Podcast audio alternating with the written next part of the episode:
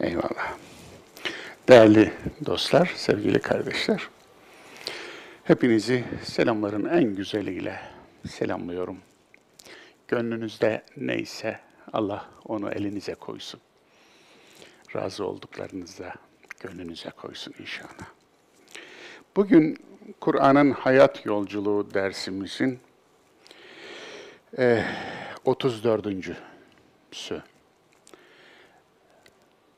28 Kasım 2001 yine her zaman olduğu gibi aynı saatte iki haftalık aralarla aynı günde 34. dersimize başlıyoruz.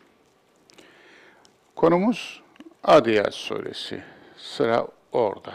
Biliyorsunuz Kur'an'ın hayat yolculuğu derslerini işlerken nüzul sırasını takip ediyoruz. Bu bir tefsir dersi, bir yorum dersi değil. Dolayısıyla daha önce yaptığımız için o dersleri, bu derslerin bir tefsir dersi olmasını istemedik. Bu aslında bir sondaj dersi. Yani sadece Kur'an'ın ayetlerine değil, Kur'an'ın işaretlerinden ki ayet işaret demek. Kur'an'ın ayetleri Kur'an'ın kainat kitabını gösteren parmaklarıdır. Kur'an'daki her ayet bir parmaktır, bir işaret parmağı. Onun gösterdiği yere bakmaya çalışıyoruz bu derslerde. O parmaklar nereyi gösteriyor? O parmaklar kainat kitabını gösteriyor. Hemen birçoğu kainat kitabının herhangi bir sayfasına işaret eder. Yere, göğe, havaya, toprağa, suya, aya, güneşe, yıldıza. Bazen hadisat kitabına işaret eder, olaylar kitabına. O zaman da olayların içine dalarız, tarihe gideriz, tarihte yaşanmışlıklara bakarız. Oradan ibret almak için, ders almak için okuruz, onu okuruz. Bazen o parmaklar, Kur'an'ın ayet dediği o parmaklar insanı gösterir. Bir, bizzat insanı, insan da Allah'ın kitabıdır. Yani kitabın ifadesiyle insan Allah'ın kitabıdır. Dolayısıyla insan kitabını okuruz. İnsan kitabının psikoloji suresini okuruz. İnsan kitabının sosyoloji suresini okuruz. İnsan toplulukları, insan toplumlarının davranışları, insan toplulukları ne zaman ne yaparsan nasıl bir sonuç ortaya çıkar? İnsan toplulukları yani sosyoloji biliminin ortaya serdiği insan topluluklarının davranışlarının sonuçları, sebepleri, nedenleri, sebep-sonuç ilişkileri. Bazen o insan ayetleri bizatihi tıp insanın rahatsızlıklarını gösterir, hastalıklarını gösterir. Bazen bu hastalıklar psikolojiktir. Bazen bu hastalıklar biyolojiktir. Bazen bu hastalıklar başka sebeplerle, dış sebeplerle veya efendim temizlikle alakalıdır. Bazen bu hastalıklar çok yemeyle alakalıdır. Yani çeşitli veçeleriyle, çeşitli sureleriyle insan kitabını okuruz. Bazen de hayat kitabının kendisini okuruz. Hayatın kitabını okuruz. Hayat kitabının surelerini okuruz. Hayatın önümüze serdiği imkanlar. Tabii bu imkanların yan etkileri, bu imkanların sonuçları, bu imkanların doğru kullanıldığında sonuçları, yanlış kullanıldığında sonuçları. Ve tabii bu imkanların bize getirdiği bir takım yükler, sorumluluklar ve her türlü kayıt kuyudat. İşte burada bunu yapmaya çalışıyoruz. Kur'an'ın hayat yürüyüşü dersleri bir tefsir değil, Kur'an'daki işaretlerin yani ayetlerin gösterdiği kainat kitabının, insan kitabının, olaylar ve olgular kitabının okunması. Yani bunun sondaj olarak niteliyorum. Oraya bir sondaj yapıyoruz. Bakalım burada ne varmış? Buradan nasıl istifade edebiliriz? Nasıl bir ders çıkarabiliriz? Bu işaretle gösterdiği yere nasıl bakarız? Doğru bakış nedir? Yamuk bakış nedir? Gösterdiği yere doğru bakmazsanız, hatta gösterdiği yer nedir? Bazen gösterdiği yer, göstergenin gösterdiği yeri bilemeyebiliyoruz, bulamayabiliyoruz. Tabii bir de fokuslanma problemi var. Yani odaklanma problemi. Gösterdiği yeri bazen görmeyebiliyoruz. Hatta gözümüz bozuk oluyor. Bazen hipermetrop oluyor, bazen miyop oluyor. Bazen uzağı göremiyoruz, bazen yakını göremiyoruz. O olguyu ve o olayı anlamaya çalışıyoruz ama bazen o olayı anlamaya çalışırken gözümüzün önüne kibrit çöpünü dayıyoruz, arkadaki ormanı unutuyoruz. Ormanın yanışıyla hiç ilgilenmiyoruz, kibritin yanışına dikkat kesiliyoruz. Bu da bir körlük çeşidi. Görüyorsun bir şeyi ama bütünü görmüyorsun, parçayı görüyorsun. Hatta parçanın da parçasını görüyorsun. Dolayısıyla bütünü algılayamamak gibi bir problemle yüz yüze kalıyorsun. İşte bütün bunlar ve daha fazlası bu derslerde işlemeye, vermeye çalıştığımız şeyler. Adiyat suresi insanın in evet Kur'an'ın insan eleştirisi. Yine bir eleştiri suresiyle karşı karşıyayız. Yani ne yapayım? Eğer içerik buysa, muhteva buysa, eleştiriyse ben ne yapayım? Görüyorsunuz bir önceki surede eleştiriydi. Zaman eleştiri. Bir ön, ondan önceki surede eleştiriydi. Ta birinci sureden itibaren dikkat buyurun lütfen. Kur'an eleştirel bir üslupla girdi. Zira eleştiri tevbedir. Zira eleştiri istiğfardır. Zira eleştiri, istiğfar, tevbe öz eleştiridir. Dolayısıyla sorgulamayan, merak etmeyen araştırmaz. Araştırmayan sorgulamaz. Sorgulamayan gelişmez, gelişmeyen değişmez.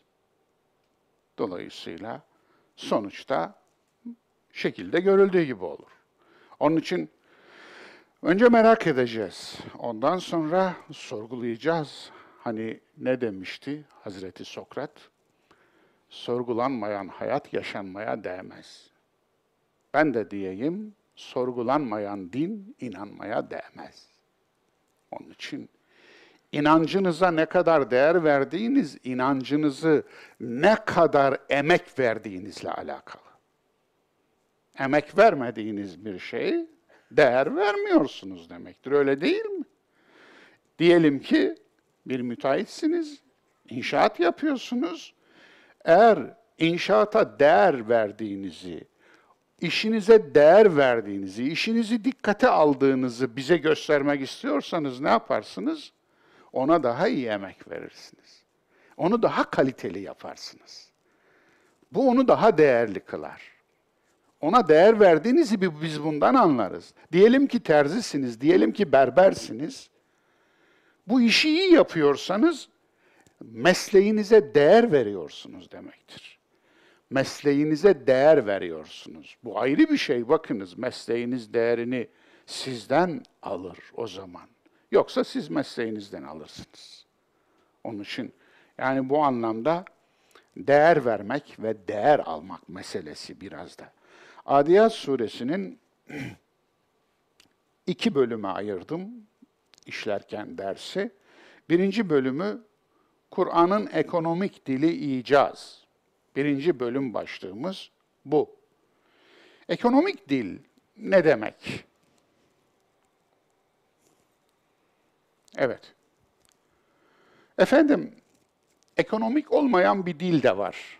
Hani demiş yazat, zamanım yoktu, uzun yazdım. Zamanım olsaydı kısa yazardım. Hakikaten bilmem sizler yaşadınız mı ama bendeniz bunu çok yaşadım. Kısa yazmak için uzun emek vermek lazım. Çünkü çok büyük bir anlamı çok az bir söz dizisine sığdır sığdıracaksınız. Bunun için üzerinde çok çalışmak lazım. Yani bir cümleye iki üç anlamı sığdırmanız lazım. Her kelimeyi doğru yerine koymanız lazım. Ki kısa yazıp uzun anlatasınız. Yoksa çok uzun konuşursunuz. Hatta o kadar konuşursunuz ki hiçbir şey anlatmazsınız. Yani ne yaptı dersiniz? Ya bir saat konuştu. Ne söyledi? Vallahi hiçbir şey anlamadım. Dersiniz. Niye? Dedim ya. Yani ekonomik olmamıştır o. İktisatlı olmamıştır. Sözde de böyle bir ekonomi vardır. Söz ekonomisi. Yani çok uzun uzun konuşmak, lafın harmanı olmaz sözü ne güzel bir söz Anadolu'nun deyimlerinden biri. Lafın harmanı olmaz gerçekten de. Çünkü şey olmadığı için, dilin kemiği de olmadığı için arkadan sermaye yok ki bitecek diye korkasın. Konuşur. Sürekli konuşur. Oysa sözünü seyreltiyordur. Anlamı seyreltiyordur. Lafı çoğaltarak anlam seyreltiyordur. Lafı çoğaltınca anlam çoğalmıyor. Lafı çoğaltınca anlam seyreliyor. Seyrelmek ne demek? Şu, bakınız, ekranda bir metin gözüküyor, metinler gözüküyor değil mi? Bunu seyreltin, burada bir santimetre karesine düşen bir piksel var. Bu piksel yoğunlaştıkça görüntü netleşir. Bu piksel seyreltildikçe görüntü flulaşır. Bu görüntüyü büyütün, büyütün, büyütün. Bu görüntüyü yüz kat büyüttüğünüzde ortada hiçbir şey kalmaz. Öyle mi? Hiçbir şey kalmaz. Alın büyüttünüz. Büyütmek mesele değil. Mesele doğru mesafeyi yakalamak. Doğru yoğunluğu yakalamak. Çok konuşmak değil asıl maharet.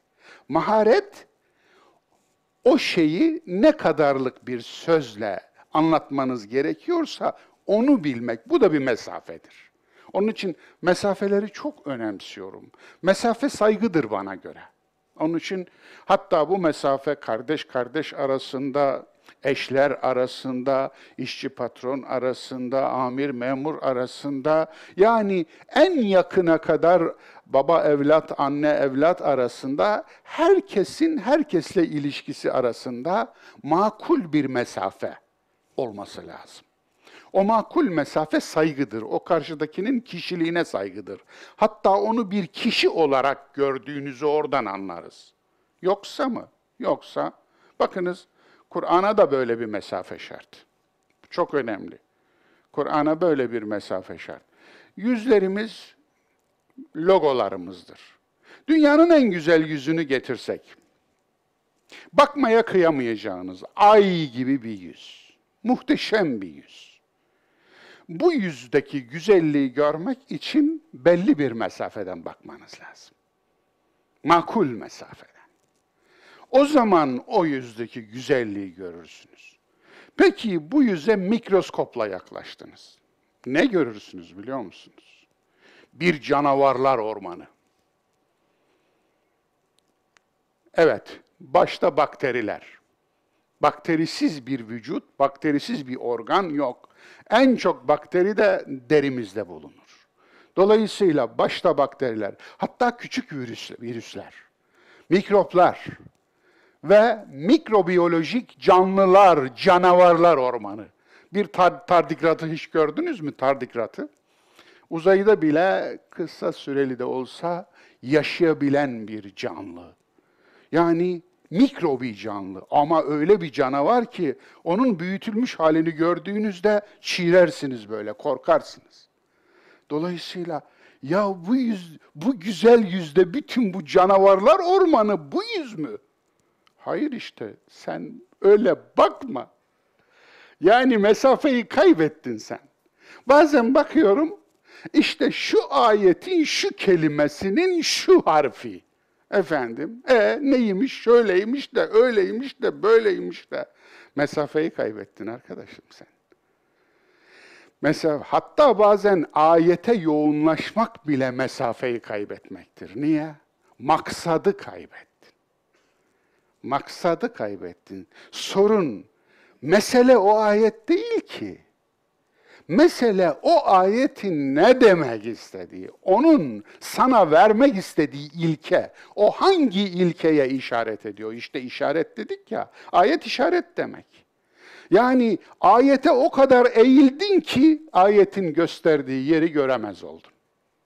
İşaretin, işaret parmağının şuraya bak dediği yere bakamaz oldun. Bakmıyorsun oraya. Bakmadığın zaman neyi göreceksin sen? Harfler göreceksin, kelimeler göreceksin, cümleler göreceksin. Ve ondan sonra da geleceği yer neresi biliyor musun? Ya Kur'an'a karşı lakayt olmak ya da Kur'an'ı inkar noktasına gelmek. Evet evet. Ben bunları çok gördüm. Onun için çünkü sen aslında mesafeyi kaybettin. Bakman gereken yere bakmadın. Biliyorsunuz şempanzelerle insanlar arasındaki dikkat yoklaması, dikkat araştırması yapmışlar biyologlar veya zoologlar. Yani gerçekten bu uzun süreli ciddi emek verilmiş bir araştırma. Bu araştırma sonucunda Şempanzelerin biliyorsunuz genetik olarak insanla yüzde 98,7 insanla genetiği aynıdır. Farklı olan sadece yüzde 1,3'tür. Şempanzelerle insan arasındaki genetik fark. Ama ana farka bakar mısınız? Asıl fark bu. Şempanzeler parmağınızla bir şeyi gösterdiğinizde o gösterdiğiniz şeye bakan şempanze olmamış şimdiye kadar. Parmağınıza bakıyor. Parmağı. Ama parmağın gösterdiği yere bakan insan. Sahi insanlar parmağın gösterdiği yere bakıyorlar mı? Sorun burada. İnsanlar parmağın gösterdiği yere bakıyorlar mı? Kaç insan bakıyor? Parmak ayı gösterirken aya bakarlar, parmağa değil. Eğer parmağa bakıyorsak, o zaman geriye doğru gidiyoruz. 7 milyon yıl geriye. Baya bir geri. Baya bir zaman, baya bir mesafe var arada yani. Evet, Kur'an'ın ekonomik dili dedik. Buna icaz deniliyor. İcaz değil, ayınla değil. İcaz. Efendim, veciz kelimesini duymuşsunuzdur. Bu söz veciz bir söz. Nedir? Az sözde çok anlam iletiyor. Buna veciz derler. İcaz budur işte. Kur'an'ın ekonomik dili. Ki biz burada Kur'an'ın ekonomik diline güzel bir örnek görüyoruz. Bu surenin ilk beş ayeti. Vel adiyati dab'an. Buradaki vav, kasem vavu olarak alınamaz. Vavlar özü itibariyle yemin anlamına gelmezler. Mecazen yemin anlamına kullanılırlar. Bağlamda onu anlarsınız. Buradaki bağlamdan da bu vavın yemin değil aslında bu vavın uyarı vavı, ilenme vavı ve belki de e, biraz kabaca olacak, Kur'an mazur görsün ifademi, e, fırça e, vavu olduğunu e, görürüz. Yazıklar olsun diye onun için bu anlamı vermiştim mealimde. Dinmez bir hınçla saldıranlara, adiyat. Dinmez bir hınçla saldırmak. Yani adu, udvan, düşmanlık anlamına geliyor. Ee, gireceğim yorumuna. Fel muriyati kadhan ve öfke ateşiyle etrafı tutuşturanlara yazıklar olsun. فَالْمُغِيرَاتِ subhan ve sabaha kadar kıskançlıktan kıvrananlara yazıklar olsun. Mugirat aslında gayr, gayret duymuşsunuzdur. Hatta gayur, kıskanç demek. Evet. Yani bunu bir yerde söylerken bir büyüğümüz rahmetli oldu bir büyüğümüz dayanamamış. Ya hocam efendim Allah kıskanç olur mu falan demişti ama kıskançlığı ne olarak tanımlıyoruz biz? E, yani bu çok önemli.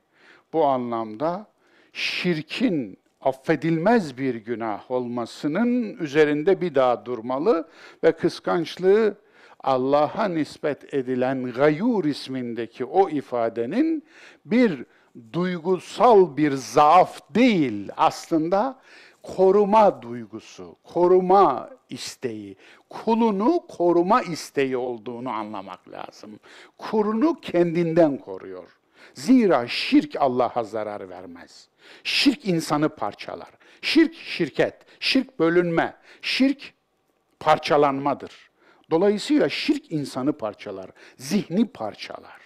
Onun için tevhid de insanı bütünler. Tevhidin bütünlediği Allah değil, parçalanmaz ki bütünlensin. O samettir. Yekpare bir kaya demektir aynı aslında. Efendim, yani içine ne bir şey girer ne içinden bir şey çıkar. Doğmaz, doğurulmaz. Dolayısıyla o samettir. Es samet bu demektir. Peki o zaman tevhide ne gerek var? Tevhidin Allah'a yaptığı iyilik nedir? Hiçbir iyilik yoktur. Şirkin Allah'a yaptığı kötülük nedir? Hiçbir kötülük yapamaz. Peki nedir o zaman? Şirk insana kötülüktür. Tevhid de insana iyiliktir. Şirk insanı parçalar, tevhid insanı bütünler. Parçalama ne demektir? Duygunuzla düşüncenizin parçalandığını düşünün. En basit sonucu şizofren, şizofrenidir. Nedir? Çift kişiliklilik, çok kişiliklilik. Yani iman şizofreni, inanç şizofreni olmuş bir yığın insan görüyorum etrafta. İnanç şizofreni. İşte bu aslında nifak diyor buna. Anlatabiliyor muyum? Nifak hangi delikten girip hangi delikten çıkacağı belli olmaz. Dediğiyle yaptığı farklı farklı. Bir şey söylüyor, öbür şeyi yapıyor. Dolayısıyla 50 tane yüzü var ama hiçbiri de kendi yüzü değil, maskesi. Birini çıkarıp birini takıyor. Kimsin sen deyince aslında kendisini bile bildiği yok. Maskesini gösterip bu benim diyor. Kendisi bile kendisini tanımıyor. Dolayısıyla bütün bunlarından dolayı Allah'ın bir çıkarı yok. İnsanın, insan içindir. İnsanın çıkarı vardır. Evet, fel mugiratı subhan. Evet, buradaki de ve sabaha kadar kıskançlıktan kıvrananlara, çatır çatır çatlayanlara. Fe eferne bihi nak'an. Sonuçta bu kıskançlıkla tozu dumana katarak ortalığı bulandıranlara. Fe vesetne bihi cem'a. Nihayet bu düşmanlıkla toplumun ortasına dalanlara. Sorum şu, beş ayet. Burada dalanlar kim? Bulandıranlar kim? Kıvrananlar kim? Yok. İlk iki ayetteki de mevsuf diyoruz biz buna, nitelenen. Yani bu niteliklerin sahibi kim? Kimi söylüyor? Yok. Metinde yok. İşte eliptik metin, yani ekonomik metin dediğim bu. Bir örnek veriyorum. Aslında bundan ibaret değil. Kur'an'da bunun gibi beş ayrı sure daha var. Dolayısıyla bunların hepsinde sıfatlar var, nitelemeler. Bunlar nitelemeler. Sığmayanlar, el-adiyat, düşmanca saldıranlar, kabına sığmayanlar, el-muriyat, tutuşturanlar, kıvılcım saçanlar, açık arayanlar.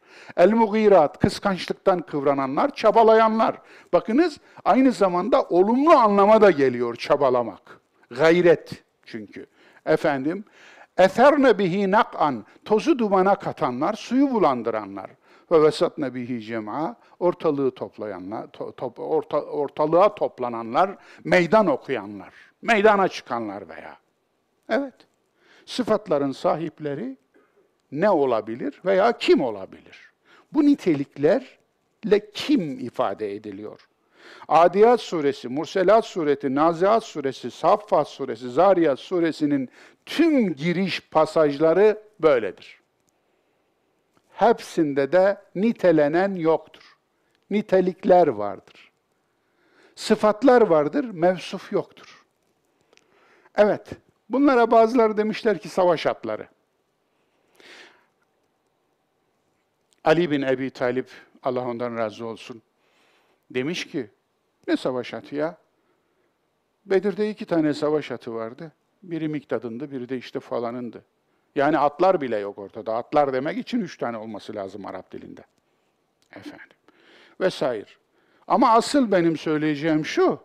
Bu sure Mekki. Hem de Mekke'nin en başında. Nüzul süreci, vahyin iniş sürecinin en başında inen surelerden biri. Hangi at, hangi savaş? Evet, geçiyoruz. Hac kafileleri denmiş. Yahu daha Mekke'nin başındasın. Hangi hacın, hangi kafilesinden bahsediyorsun? Mekke'desin. Yani Allah Resulüne Kabe'nin önünde ibadet ettirmiyor adamlar. Hangi haccın hangi kafilesinden bahsediyor? Yani vakaya uyumlu değil, zamana uyumlu değil, mekana uyumlu değil. Bir yorum yapıyorsun, şudur diyorsun ama bir düşün bunun indiği zamana uygun mu? Nüzul ortamına uygun mu? Yok. Kıyamet diyenler bile olmuş. Geçelim daha başka birçok şey söyleyenler olmuş. Benim yorumum. Niye benim yorumum dedim biliyor musunuz? Yorum özneldir de onun için. Ben bunu gerçek bir tevazu olarak görüyorum. Allah böyle diyor ki de, deseydim eğer bu kibirdi işte. Kibir o olurdu. Niye? Ya sen öyle anladın. Belki yanlış anladın. Belki senden sonra daha doğru anlayacaklar çıkar. Belki doğru adını anladın da anladığın doğrunun bir parçasıdır, tümü değildir değil mi? Senden sonrakilere niye tıkıyorsun? Niye önlerini kesiyorsun? Senden daha iyi anlayacaklar olabilir. Belki yüz sene sonra gelecek birisi çok daha güzel anlayabilir bu ayet. Dolayısıyla Allah böyle diyor. Bu kibirdir. Hayır. Yorumunu Allah'a dedirtme. Ben böyle düşünüyorum de. Eğer bir hata olursa hata sende kalsın. Kur'an'a yamanmasın. Öyle değil mi? Onun için bu işte gerçek bir tevazudur. Ama bunu kibir olarak gören akla söyleyeceğim şey bir göz değiştir. Gözlük yetmez çünkü. Bu göz bozulmuş. Göz değiştir. Demektir. Kur'an'a karşı çıkan Mekke muhafazakar dincileri soruyorum. Düşmanınca saldırdılar mı? Saldırdılar. Yakmak için kıvılcım çaktılar mı? Hem de ne çaktılar. Hem de ne çaktılar. Hatta gerçek yakmaya bile çalıştılar. Dolayısıyla yani Ammar'ın göğsünde kızgın taşlarla dağlamadılar mı? Çöle götürüp de 50 derece sıcaklıkta kızgın çöl kumuna yatırıp Ammar'ın yağları damlamadı mı? Düşünün, bunu bile yaptılar. Evet, kıskançlıktan çatır çatır çatlamadılar mı? Evet, çatladılar. Öyle diyordu Ebu Cehil. Biliyor musunuz? Hem de vefat ettiği gün öyle diyordu Bedir'de. Onlar şunu yaptı, biz daha fazlasını yaptık. Onlar hacılara yemek verdi, biz daha fazlasını verdik. Onlar hacıları suladı, biz daha fazlasını yaptık. Şimdi Haşimilerden bahsediyor, kabile kavgası. Şimdi Haşimiler tutmuş bir peygamber çıkardık diyorlar. Biz nereden bulalım peygamberi? Bakar mısınız? Mantığa bakar mısınız? Yaklaşıma bakar mısınız? Yani Ebu Cehil'in künyesi neydi? Ebul Hakem. Peki Ebu Cehil'in Hakem'in babası demek, Hakem diye bir oğlu var mıydı? Bravo, tebrik ederim. Yoktu. Ebu Cehil'in Hakem diye bir oğlu yoktu. Peki Hakem diye bir oğlu olmayan insana Hakem'in babası künyesi niye verilir? Hikmetin babası, adam o dönemin, o ülkedeki, o şeydeki aydınlarından biriydi. Hem de ünlü bir aydınıydı. Yani doğuyu batıyı görmüş, deniz aşırı seyahatler, ithalat, ihracat yapan adamlarından biriydi. CEO idi kendisi. Büyük şirketlerin sermayesini idare ederdi. Kervanlar kaldıran. Bu kervanlar binle iki bin arasında deveden oluşurdu. Ne demek bu? İki bin kamyonet ne demek? Böyle bir kervan, böyle bir ticaret ağı, böyle bir lojistik. Dolayısıyla bu adam işte bu, bu işleri yapıyordu. Ama dediğim gibi çatır çatır çatladılar. Suyu bulandırdılar mı? Evet bulandırdılar. Hem de ne bulandırma. Bakınız, güvenilir dedikleri insana vahiy geldikten sonra mecnun dediler, deli dediler. Evet, sürü halinde saldırdılar mı? Saldırdılar. Baş başına ödül koydular. İnsanları o hale getirdiler ki ambargo uyguladılar. O hale getirdiler ki vatanlarından çıkardılar. İşte Habeşistan hicreti budur. Bu surenin inişinden biraz sonra gerçekleşecektir o. Peki, bütün bunları sordum, cevabını biliyoruz. Evet, bunları yaptılar. Kur'an dümdüz söylese biz anlasak olmaz mı? Yani benim cevabım neymiş? Vahiydir burada mevsuf. Yani orada söyleniyor ya, şunlara şunlara, vahye saldıranlardır bunlar. Evet, konu da vahiydir. Dolayısıyla ilk, ilk beş ayetin konusu vahiydir. Bu ayette nitelenenler vahye saldıran bölge insanıdır. Vahye saldıran Mekke ve civarındaki vahiy düşmanları, anlam düşmanlarıdır. İlke düşmanlarıdır. Vahiy düşmanlığı tek başına vahiy düşmanlığı olarak alırsak, vahye inanmayan insanlar bu sözümüzü anlamazlar. Ama aslında vahyin temsil ettiği şey, karşısındaki insanları ilkeli davranmaya davettir. Karşısındaki insanları ahlaki davranmaya davettir. Karşısındaki insanları insani davranmaya davettir. Çünkü insani davranmıyorlar, ahlaki davranmıyorlar. Mesela güçlü bir kabilenin e, reisinin bir yakını öldürülüyor. O reis geliyor, katilin kabilesindeki tüm erkekleri doğuruyor, tüm kadınları da cariye olarak alıyor. Nasıl? Bu nasıl bir vicdansızlık? Bu nasıl bir asimetrik saldırı? Bu nasıl bir zulüm? İlkesi yok mu bunun? Diyor. İlkesi yok mu? Vahiy bunu diyor. Yani kısas kelimesi onun için suça eş değer bir ceza demektir. Budur. Suça eş değer bir ceza ki caydırıcılık olsun. Dolayısıyla görüyorsunuz bir tek konuda verdim. Evet, yani neden böyle yapıyor Kur'an? Bunu açıkça söylesin. Mevsufu yazsın.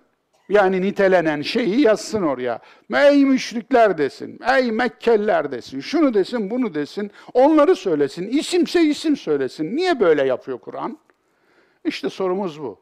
Kur'an dümdüz söylese, biz dümdüz anlasak olmaz mı? Evet, cevabım şu. Onlar Kur'an'ı de, derinliğine düşünmezler mi ayeti ne olacak? Efela yetedebberunel Kur'an. Bu iki yerde gelir bu cümle Kur'an'da. Yani Kur'an'ın nesini derinliğine düşüneceksin?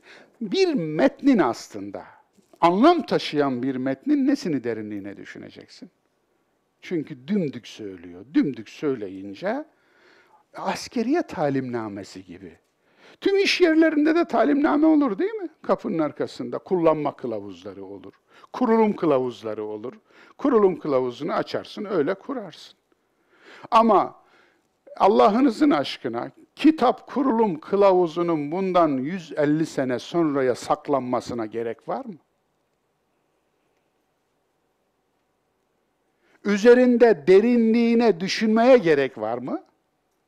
Yok. İki numaralı ahşap şuraya, üç numaralı ahşap şuraya, dört numaralı çivi neyse vida şuraya, e onu oraya, onu oraya taktım bitti. Budur zaten. Ondan öte bir anlamı yok. Onun için insanlık tarihine baktığınızda eliptik metinler yani sembolik dil kullanan metinler kalmışlar. Gerisi gitmiş. Sümer'den bize kalan 4500 yıllık, 5000 yıllık tabletler ki bunlar Suriye'de çıktı ki merkezi Irak'tır. Özellikle Basra körfezine yakın olan o körfezin uç noktasıdır. Ora Uruk kültü ve ondan doğan Sümer medeniyeti idi, nehir medeniyeti idi. Dicle ve Fırat'ın havzasının ortaya çıkardığı nehir medeniyetlerden biridir. Nil, eski Mısır nehir medeniyetidir. Ve işte Pakistan, bugünkü Pakistan, Sint, eski ismiyle Sind'in, efendim orada kurulan Indus medeniyeti, nehir medeniyetidir. Hint medeniyetinin başladığı yerdir orası. Çin medeniyeti nehir medeniyetidir. Sarı Nehrin e, Kore Körfezi'ne döküldüğü yer, karanlık denize döküldüğü yer. Dolayısıyla dünyada nehir medeniyetleri ilk kurulan medeniyetlerdir. Ve oradan bize gelen tabletlerin, ilk tabletlerin konusu nedir biliyor musunuz? Bunları tutan rahiplerdi. Zahire, yani tahıl, ambara giren ve çıkan tahılların e, ambar listesini tutmuşlar. Kaç kilo girdi, kaç kilo çıktı, kime kim gitti, kimden geldi. Dolayısıyla bunlar üzerinde bir yorum yapmıyoruz. Zaten bunlar üzerinde de herhangi bir şey çalışma yapılmamış. Herhangi bir yerde şey yapılmamış. Ama çok ilginç, aynı dönemin ürünü olan Gılgamış destanı. Aynı bölgenin, aynı kültürün, aynı medeniyetin destanı. Bu destan mitoloji. Ama bu destan sanki bir kutsal kitap gibi evlerde okunmuş, düğünlerde okunmuş, ölülerde okunmuş. Bunlar üzerine ayrıntılı şiirler yazılmış, başka destanlar yazılmış. Aynısı efendim Homeros'un destanları için, İlyada ve Odisey için geçerli. Dolayısıyla İlyada ve Odise'yi İskender, Makedonyalı İskender yanında taşımış tüm yedi yıllık seferi boyunca.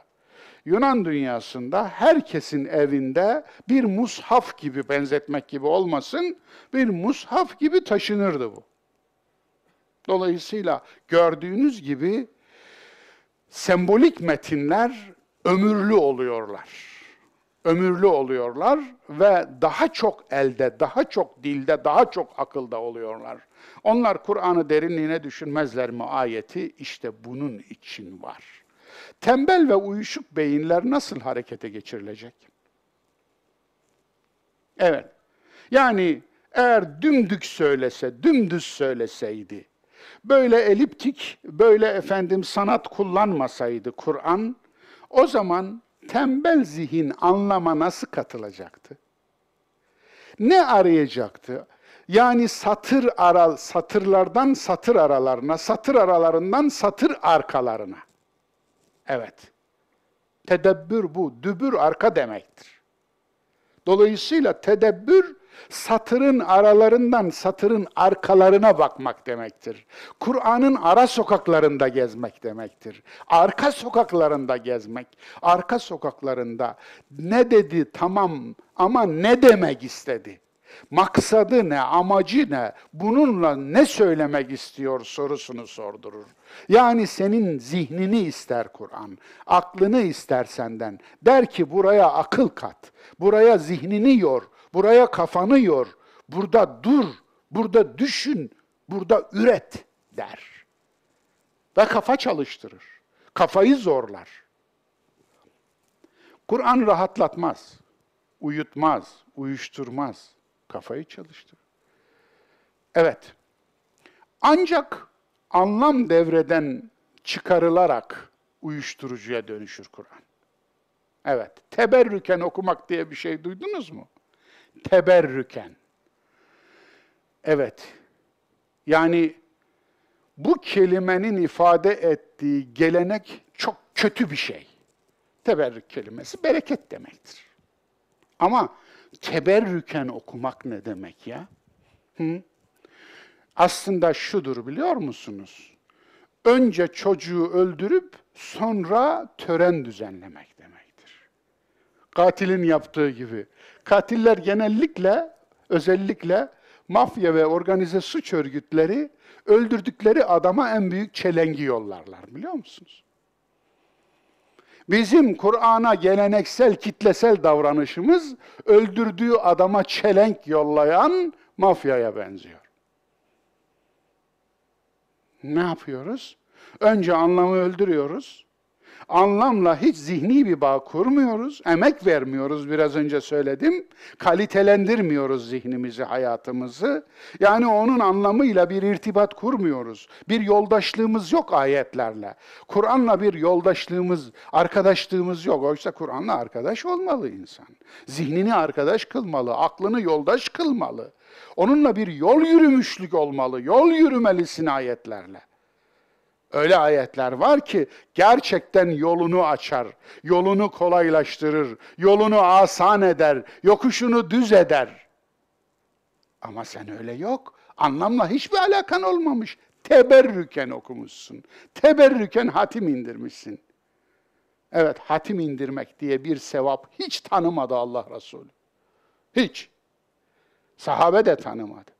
İlk nesillerin hiçbiri tanımadı. Bunu Yahudilerden aynen aldılar. Yahudilerde hatim indirmek vardır. Hem de bu sallana sallana onu bile almışlar. Siz hiç Tevrat'ı sallana sallana, uğuna uğuna okuyan Yahudileri gördünüz mü? Hasidikleri özellikle. Bir izleyin, bir bakın. Nereden geliyor? Kaynağı buldum dersiniz. Buldum. Evreka dersiniz. İşte buldum bu. Kaynak bu. Çünkü onlarda Tevrat aslında ölümsüzdür. Tanrı'nın nitelikleri Tevrat'ın nitelikleridir. İşte Kur'an'a kelamı kadim dedirten şey de oradan gelmiştir. Bunun için adam öldürdüler. İmam-ı Azam'ı da bunun için öldürdüler. Yani Kur'an yaratılmamıştır diyen zihniyete karşı olduğu için öldürdüler. Bukhari bile karşıydı iyi mi? Kendilerinden olan Bukhari'yi bile kendileri öldürdü. Sokmadılar memleketine Buhara'ya, hastaydı. Tedavi olacaktı, olması gerekiyordu. Sokmadılar, doktor göndermediler, tedavi edilmesine bile izin vermediler. Kentin dışında ta 30 küsür kilometre uzakta Bozkır'ın içinde aç, susuz, uykusuz ve bir ilaç öldü. Oraya da gömüldü. Şimdi kabri oradadır Bukhari. Dolayısıyla hadi buyurun. Bakın nelere sebep oluyor. Nelerden neler çıkıyor. İmam-ı Azam'ı zehirli çorbayla zehirledi Ebu Cafer Mansur, Abbasilerin ikinci halifesi. Ama onun ölüm fermanını verenler, onun ölüm fermanını verenler o günün hadisçileriydi. Bugünün bizler için tekfir fetvası verenlerin dedeleri, zihniyet dedeleri o günde İmam-ı Azam için verdiler. Evet, şimdi onun için teberrüken okumak, Kur'an'ı uyuşturucuya dönüştürmektir. Hadi biraz bir, bir iki fırt çekelim. Evet evet, bir iki fırt çekelim. Ne? Bir aşırı okuyalım. Bir, bir iki fırt çekelim. Ne? Kendimizi bulalım. Biraz sevap alalım. Bu mu? Böyle bir amacı var mı? Bir şeyi amacının dışında kullandığınızda onun amacına ihanet edersiniz. Ona ihanet budur. Bir şeyi amacının dışına çıkardığınızda onun amacına ihanet edersiniz. Kur'an'ı amacının dışında çıkardığınızda, kullandığınızda onun gerçek amacına ihanet etmiş olursunuz. Evet, onun için Kur'an söylemi düz değil, veciz, sembolik ve sanatlıdır. Bilmem dilimin yettiğince bir şeyi anlatmaya çalışıyorum. Bunu anlatmak için de kendimi çok zorluyorum ama beceriyor muyum? Peki, teşekkür ederim. Bana onu iltifat olsun diye söylemiyorsunuz bunu. Kur'an neden sembolik dil kullanır? Daha bitmedi mevzu. Çünkü sembolik dil metni hayatta tutar. Ölü metin olmaktan kurtarır.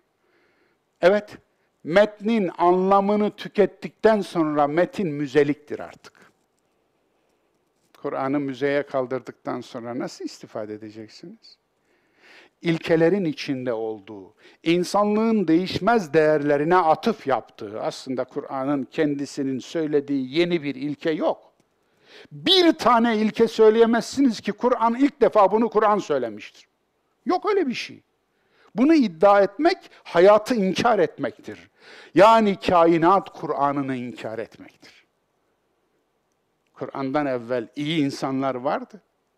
Bakın peygamberlerin hayatını anlatırken dahi Kur'an ve kâne mines salihin diye anlatır. Yani Eyyub'u söyler, o salihler iyilerdendi. İşte şunu söyler, bunu söyler, onu söyler, dizer isimleri o salihlerdendi, o iyilerdendi, o iyilerdendi, o iyilerdendi. Yani şunu sorsak olur mu? Yani hem peygamberin hayatını anlatıyorsun hem de o iyilerden de diyorsun. Kötü mü olacaktı? Hayır. Asıl ben diyor, asıl sizin peygamber diye ayrı bir kategoriye doldurup, ayrı bir vagona doldurup, doluşturup da kapısını kitleyip onlar öyleydi diyerek dama attığınız insanlar var ya, ben onları iyiler olarak niteliyorum. Onlar iyi, siz de iyi olabilirsiniz. Hemen bir yoldaşlık kurabildik mi? Kategorik olarak ayırdığınızda onunla yoldaşlık kuramıyorsunuz. Onun için peygamber arkadaşınız olamıyor. Kur'an arkadaşınız diyor ama peygamber arkadaşınız olamıyor. Bir türlü olamıyor çünkü kategorik olarak kompartmana tıktınız, kapısında kilitlediniz. Onun için çok önemli bu. Sembolik dil metni hayatta tutar, ölü metin olmaktan korur. Ölmez, müzeye kalkmaz o zaman. Sen bu, yani Kur'an'a hayat verir Kur'an'ı okuyan insan. Anlamak için okuyan insan. Bakınız Kur'an ona hayat verir o doğru. Zaten kendisi söylüyor. Anlatabiliyor muyum? Dolayısıyla ama o da Kur'an'a hayat verir. Karşılıklı hayat verirler birbirlerine. Çünkü birbirlerini okurlar. İkisi de birbirini okur. Ayetler seni okur, sen ayetleri okursun. Onlarla aranda bir yoldaşlık oluşur. Bir ünsiyet oluşur. Bir ahbaplık oluşur. Bir muhabbet oluşur. O zaman minnet borçlanırsın. Hayatını değiştirir, onu görürsün, hayatına dokunduğunu görürsün. Hayatını okşadığını görürsün. Hayatında iz bıraktığını görürsün. Hayatıma dokundu. Bu ayet benim hayatıma dokundu. Bunun bende çok özel bir anısı var dersin değil mi? Sembolik dil metin tüketilmesine geçit vermez. Metnin tüketilmesine geçit vermez. Tüketilmiş metin bitmiş metindir. İşi bitmiştir, ölüdür o. Tüketilmiş metin. Ölü bilgidir. Oysa ilkeler ölü bilgi değildir. İlkeler zamanlar üstü, çağlar üstü, nesiller üstüdür. Ve vahiy ilkelere atıf yapar. İlkelere. Her okumanın, her okuyanın, her neslin ve çağın anlamda fayı vardır. Bu çok önemli, bu madde. Evet. E bizden öncekiler sözü söyledi, anladı, tefsirini de yaptı, fıkhını da dizdi, kelamını da üstüne kaymak olarak serdi, bizim önümüze koydular. Bize ne düşüyor? Şapur şupur yemek tüketmek. Öyle mi? Bu mu? Böyle diyorlar, aynen böyle diyorlar. Öncekiler bilemedi de sen mi bildin lafı budur işte. Anlatabiliyor muyum? Oysa Kur'an'dan her neslin payı vardır. Yoksa ölüdür. Bizden evvelkiler bitirmiştir Kur'an'ı. Yemiş bitirmiştir. Bize yiyecek bir şey bırakmamışlardır. Anlamı tüketmişlerdir bize o anlam üzerinde derinliğine düşünmek için bir yer bırakmamışlardır. O zaman o ayetler bize hitap etmiyor. Efela yetedebberunel Kur'an. Kur'an üzerinde derinliğine düşünmezler mi ayeti o zaman beni muhatap almıyor demektir. Onun muhatap alması için benim 1200 yıl önce gelmiş bir falanca imam olmam lazımdı öyle mi? Bunu mu diyorsunuz? Bunu demekle ne büyük zulmediyorsunuz. İnandığınızı söylediğiniz kitaba ne büyük hakaret ediyorsunuz. İnandığınızı söylediğiniz kitaba kadavra muamelesi yaptığınızın farkında mısınız? Ceset muamelesi yaptığınız. Evet, her oku, okumanın evet bir payı vardır. Her okumanın. Bakınız bu önemli. Her okumak. Sizin her okum. Bir kişinin her okuması. Bir okudunuz değil mi? Bir dahaki okuyuşunuzla birinci okuyuşunuz aynı değildir. Verdiği de aynı değildir. Aldığınızda yaşadınız mı bunu? Ben ömür boyu yaşadım. Eğer gerçekten hakkını vererek, üzerinde düşünerek, anlam katmanlarında gezinerek, yoldaşlık yaparak yani, o efendim anlamın içine girerek okuyorsanız, 10. okumanızda dahi aynı değildir. Yepyeni şeyler söyler, verir. Onun için her okumanın bir payı vardır. Her okuyanın payı vardır. Benim payım ayrıdır. benim payımı senin payın olamaz ki. Benim payımı anlamaya çalışabilirsin, bunu anlarım. Çünkü benim Kur'an'a ilişkin altyapım çok daha sağlamdır. Çok daha derin bir bilgim vardır. Yani Kur'an'ın dilini derin bilirim. Yani lügatını derin bilirim. Edebiyatını derin bilirim. Bedi beyan maanisini derin bilirim. Tefsir ilminin geçmişte neler söylediklerini, sahabenin bu ayet hakkında neler söylediklerini derin bilirim. Onun için benim ne söylediğimi merak etme hakkın var. Etmelisin de. Ama onunla yetinmemelisin. Dolayısıyla senin de bir payın var. Onda senin payını ara, payını. Benim payım nedir? Dolayısıyla çünkü sen bir teksin, orijinal bir varlıksın, unutma. Teksin. Ve bu anlamda sen o yaşanmışlıklarınla da orijinalsin. Kendine has bir hayatın vardı. O hayatın damıttığı, imbiğinden damıttığı da bir öz vardı değil mi? Ona vur, oradan al. Evet, her neslin bir payı vardır. Her neslin, tabii ki ya. Benden, benden 80 nesil önceki neslin benim payımı almasını düşünebilir misiniz? Yani benden 80 nesil önce yaşamış adam. Düşünün. Ben onun payıyla mı iktifa edeceğim? Benim zamanımı görmemiş.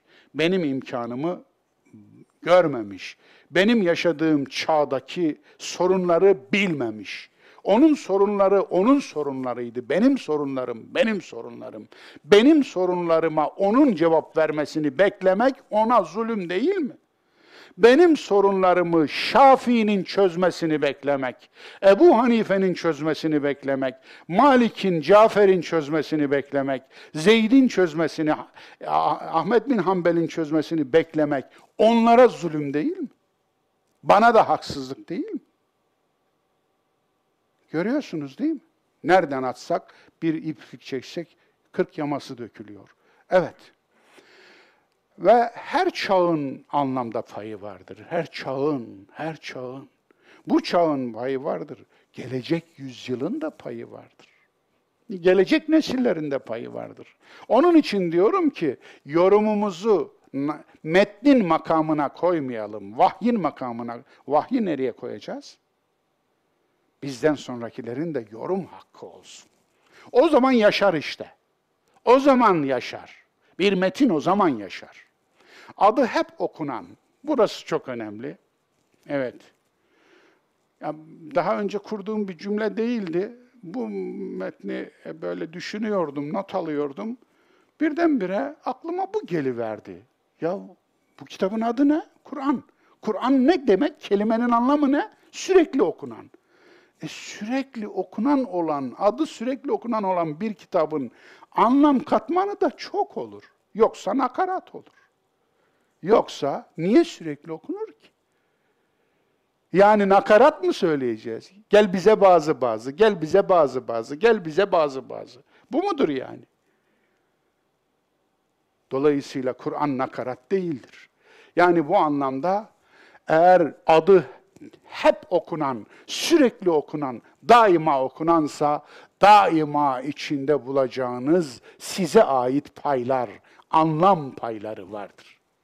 Kur'an'ı her yeniden okuma yeni bir tecrübeyle okumadır. Biraz önce söyledim, geçiyorum. Müzzemmil'de geçen okuma neşesi bu olsa gerektir. Efendim, hatırladınız mı ayeti?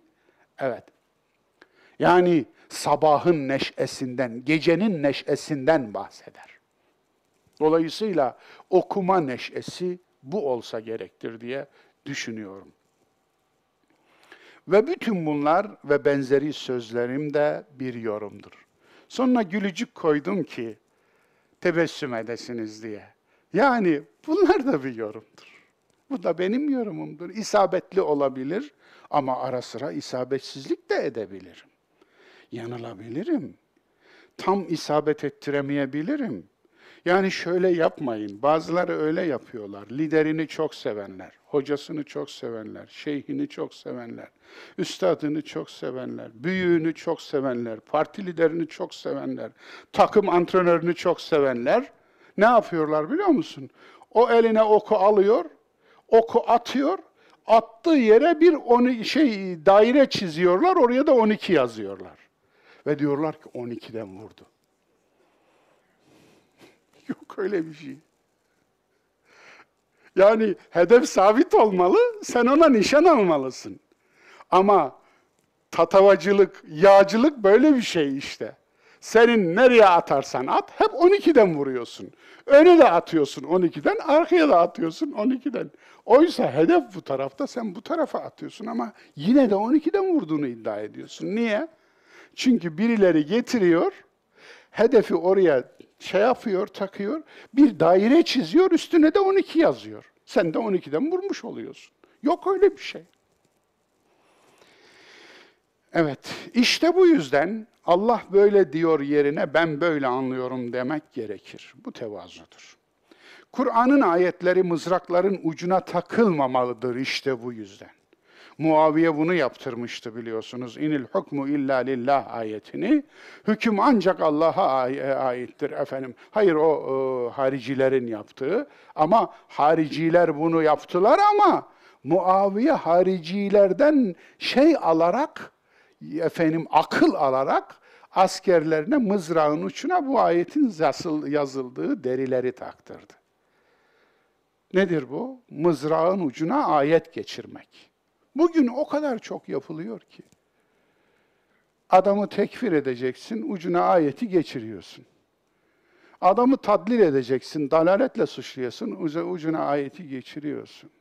Efendim, yani hele hele bazılarının cebinde ayetler suikast silahına dönüşüyor. Bu çok çirkin bir şey. Bu çok nahoş bir şey. Yani bakıyorsun şap ağzından bir ayet dökülüyor, suikast mermisi. Suikast mermisi. Biliyor musunuz? Bu Kur'an'ı güçlendirmiyor. Bu ayetlere olan lakaytlığı güçlendiriyor, artırıyor. Çünkü varayoa eğer hasmınızı vurmak için siz ayeti suikast mermisi olarak kullanıyorsanız, unutmayın, bir başkası da çıkar sizi vuracak bir ayet bulur. Asıl ilkelerden yola çıkarak eleştirin. İlkeler. O ilkeler hiç değişmez. Ayetlerin de gösterdiği yerdedir onlar. Yani eğer düşman olacaksanız bir tek düşmanlık ölçütü vardır. Zulüm. Ve la udvane illa alel zalimin. Kafire düşmanlık yok. Zalime düşmanlık var. Müşriye düşmanlık yok. Zalime düşmanlık var. Hristiyana düşmanlık yok. Hristiyan olduğu için sadece. Zalime düşmanlık var. Hristiyanın zalimine. Yahudiye düşmanlık yok. Zalime düşmanlık var. Dinsize düşmanlık yok. Zalime düşmanlık var. Ateiste düşmanlık yok. Zalime düşmanlık. O zaman düşmanlığın ölçüsü zalimlik olarak konmuş ilke budur. Senden de olabilir. Müslüman da olabilir. Zalimse zulmüne düşman olmak zorundasın. Zulüm bizdense ben bizden değilim diyecek kadar ol hiç olmazsa. Onu bile olamıyorsan ne olursun ki? Onun için ilkeler üzerinden yapmak lazım değerli dostlar. Bu tefsir, yorum Kur'an'a son noktayı koymuştur denilmemelidir. Başta benim tefsirim için, benim mealim için, hiçbir tefsir Kur'an'a konulmuş son nokta değildir. Olamaz. Son nokta olması demek ne demek? Bu tefsir, bu yorum Kur'an'ın anlamını tüketmiştir demek. Anlamı tükenmiş bir metnin yeri müzedir. Kaldır müzeye. Onun için yani bu yorum son noktadır arkadaş. Bundan ötesi olmaz. Lafı kullanmamak lazım. Hiç kimse için kullanmamak lazım. Hiç kimsenin de kendisi için kullanmamalı. Ya bitirmiş, buraya noktayı. Yok arkadaş öyle bir şey yok. En çok ne koyabilir? Virgül koyabilir. Virgül koymanın anlamını geçen derste tavsiye ettiğim filmi izlediniz mi? İzlemedinizse bak e, gerçekten kaybettiniz. Yani izlemedinizse bir şey eksik kalır onu söyleyeyim. Onun için mutlaka o tavsiyelerimi e, boşuna yapmıyorum. Lütfen tavsiyelerimi tutun. Yani ben de boş bir adam değilim yani.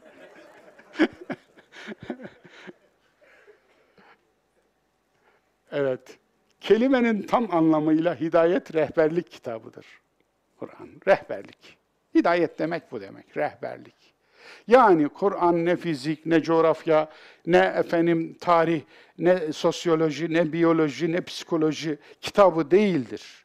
Bu anlamda bu böyle yorumlamak, Kur'an'ı bu kitaplardan biri gibi ele almak veya kriminoloji veya hukuk veya anayasa kitabı.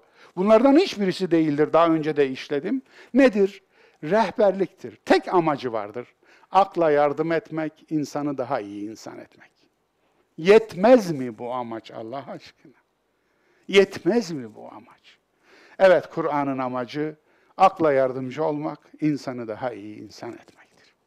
Soru, Kur'an hakkında bu söylediklerinizin delili nedir? Evet, sizi sormuş olun. Ben de cevap vermiş olayım. Uzağa gitmeye gerek yok. Surenin devamındaki ayetlerdir. İkinci pasaja geçtik dostlar. Kur'an'ın amacı akla yardımcı olmaktır. Maşallah. Güzel. Güzel gidiyor. Çorak insan, aç gözlü insan tipi. Hadi buyurun. O sözlerimin delili neymiş? Görelim. Surenin devamında geliyor. Evet. İnnel insane li rabbihi lekenut. Hiç kuşku yok ki insan Evet, insan, insan soyundan bahsedilmiyor. El ahd içindir. Dolayısıyla bunu yapan insan, yani bir tür insan, Rabbine karşı çok nankördür. Çok nankördür. Ve innehu ala zalike leşehid. Ve bu nankörlüğüne de kendisi şahittir, tanıktır. Kendisi. Yani Allah bir başka tanık getirmiyor ona. Sen sana tanıksın diyor. Sen sana şahit olarak yetersin. Bu da bir ayet biliyorsunuz. Evet. İkra kitabek kefa bi nefsikel yevme aleyke hasibe.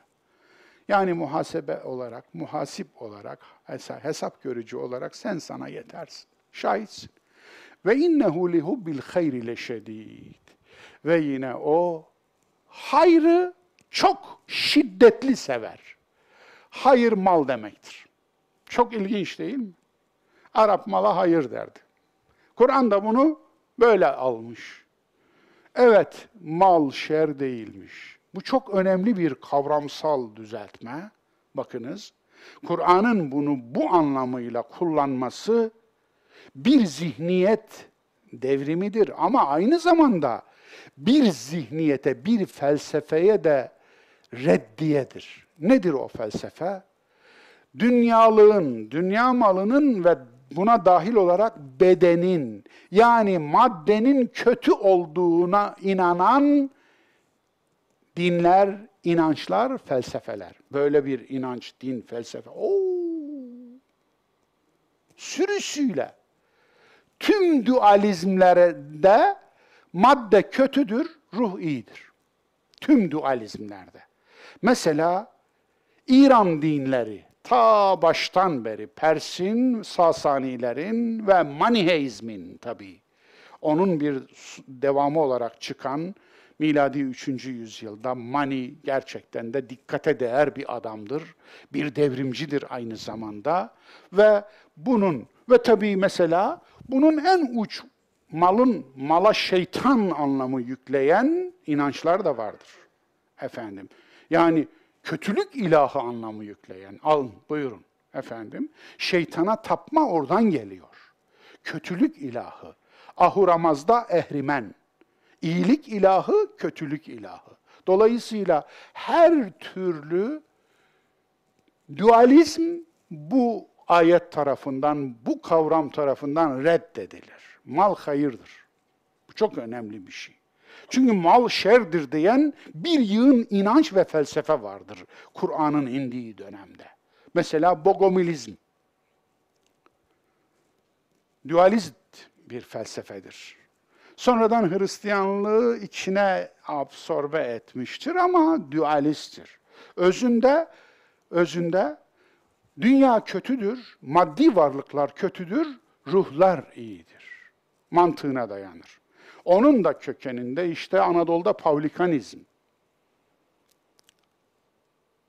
Dolayısıyla işte Sivas'ta merkezleri olan Bizans Kilisesi tarafından görüldüğü yerde yakılmalıdır fetvası çıkarılan, bu insanlara jenosit, soykırım uygulanmış olan bu insanlar dualisttir.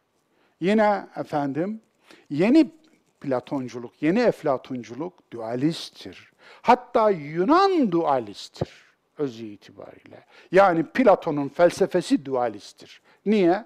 Beden ve ruh diye iki karşıt unsura ayırıyor zaten o anlamda. Dolayısıyla bu dualizm malı kötü görür. Bu tasavvuf üzerinden Müslümanları zehirlemiştir.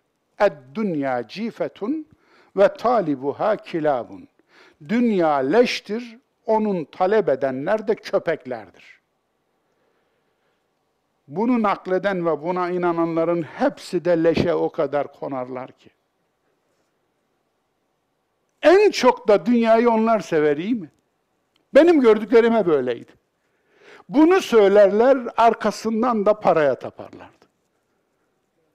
Servete taparlardı, iktidara taparlardı, güce taparlardı. Çok gördüm bu ikiyüzlülüğü. Dolayısıyla dünya leş falan değildir dostlar. Mal da kötü falan değildir. Bizatihi beden kötüdür dediğinizde ne olur? Ölümü kılın, kılıcın kından sıyrılması olarak görürsünüz. Özgürlük olarak görürsünüz. Hatta birileri daha da kendini tutamaz, şebi aruz der. Gerdek gecesi demek. Ben de sormuştum. Kiminle gerdeğe girdi? Dananın kuyruğu koptu. Savaş çıktı, savaş. Evet, masum bir soru. Şep gece demektir. Arus da düğün gecesi yani mecazen gerdek gecesi demektir. Ben de kiminle gerdeğe girdi diye sordum. Çok masum bir soru. Sahi kiminle gerdeğe girdi? Damat kim, gelin kim? Aman Allah'ım. Hiç mi düşünmezsiniz ey akıl sahipleri? Hiç mi düşünmezsiniz? Hiç mi akletmezsiniz Allah'ınızın aşkına? Evet, El hayır, mal hayırdır. Ama şerre alet edilebilir. Akıl hayırdır, şerre alet edilebilir. Hayat hayırdır, şerre alet edilebilir. Dünya hayırdır, şerre alet edilebilir. İrade hayırdır ama şerri de seçebilirsin. Alet edilebilir.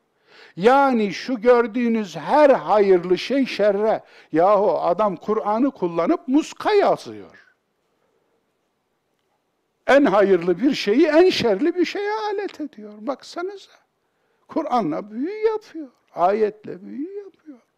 Dolayısıyla adam imanı kullanıp kelle kesiyor, insan hayatına kastediyor. Yani iman şerre alet edince hayır olmuyor işte.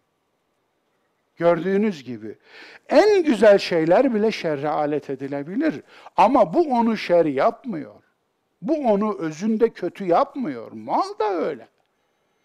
Onun için Ya Rabbi beni fitneden koru efendim e, diyen e, bir e, adam dua ediyormuş Mescid-i Nebevi'de.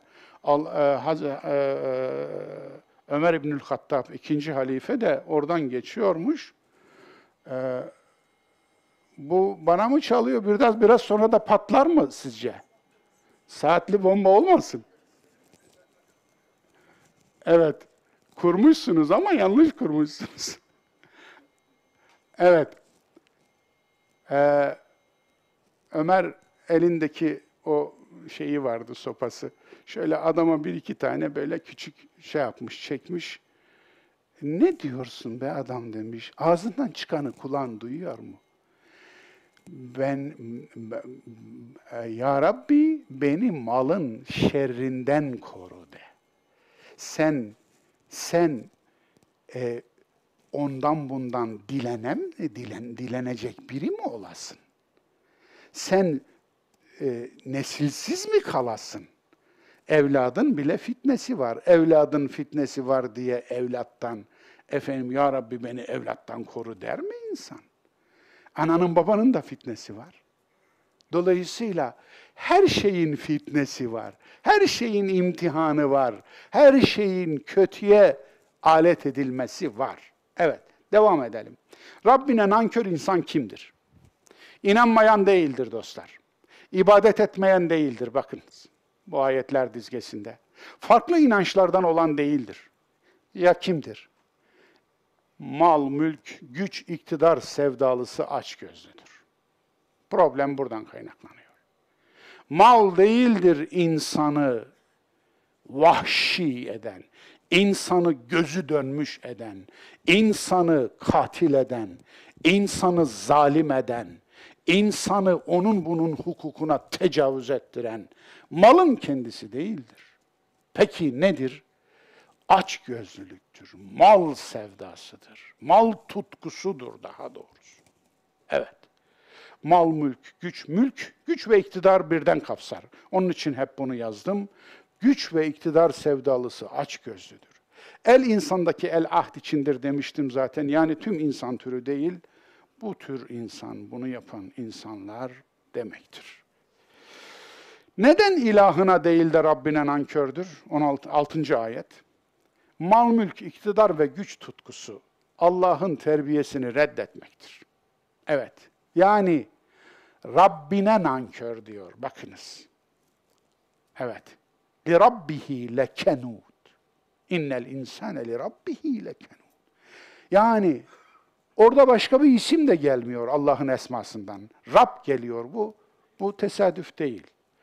Çünkü Allah'ın terbiyesi Rab isminin tecellisidir, yansımasıdır. Rububiyetini reddetmektir, terbiyesini reddetmektir, ilahi terbiyeyi. O yokmuş gibi hareket etmektir. Örtü, örtülü Allahsızlık diyorum ben buna. Allah yokmuş gibi hareket etmek. Örtülü Allahsızlık. Rabbe karşı vefalı olmak, tutkularını yönetmektir.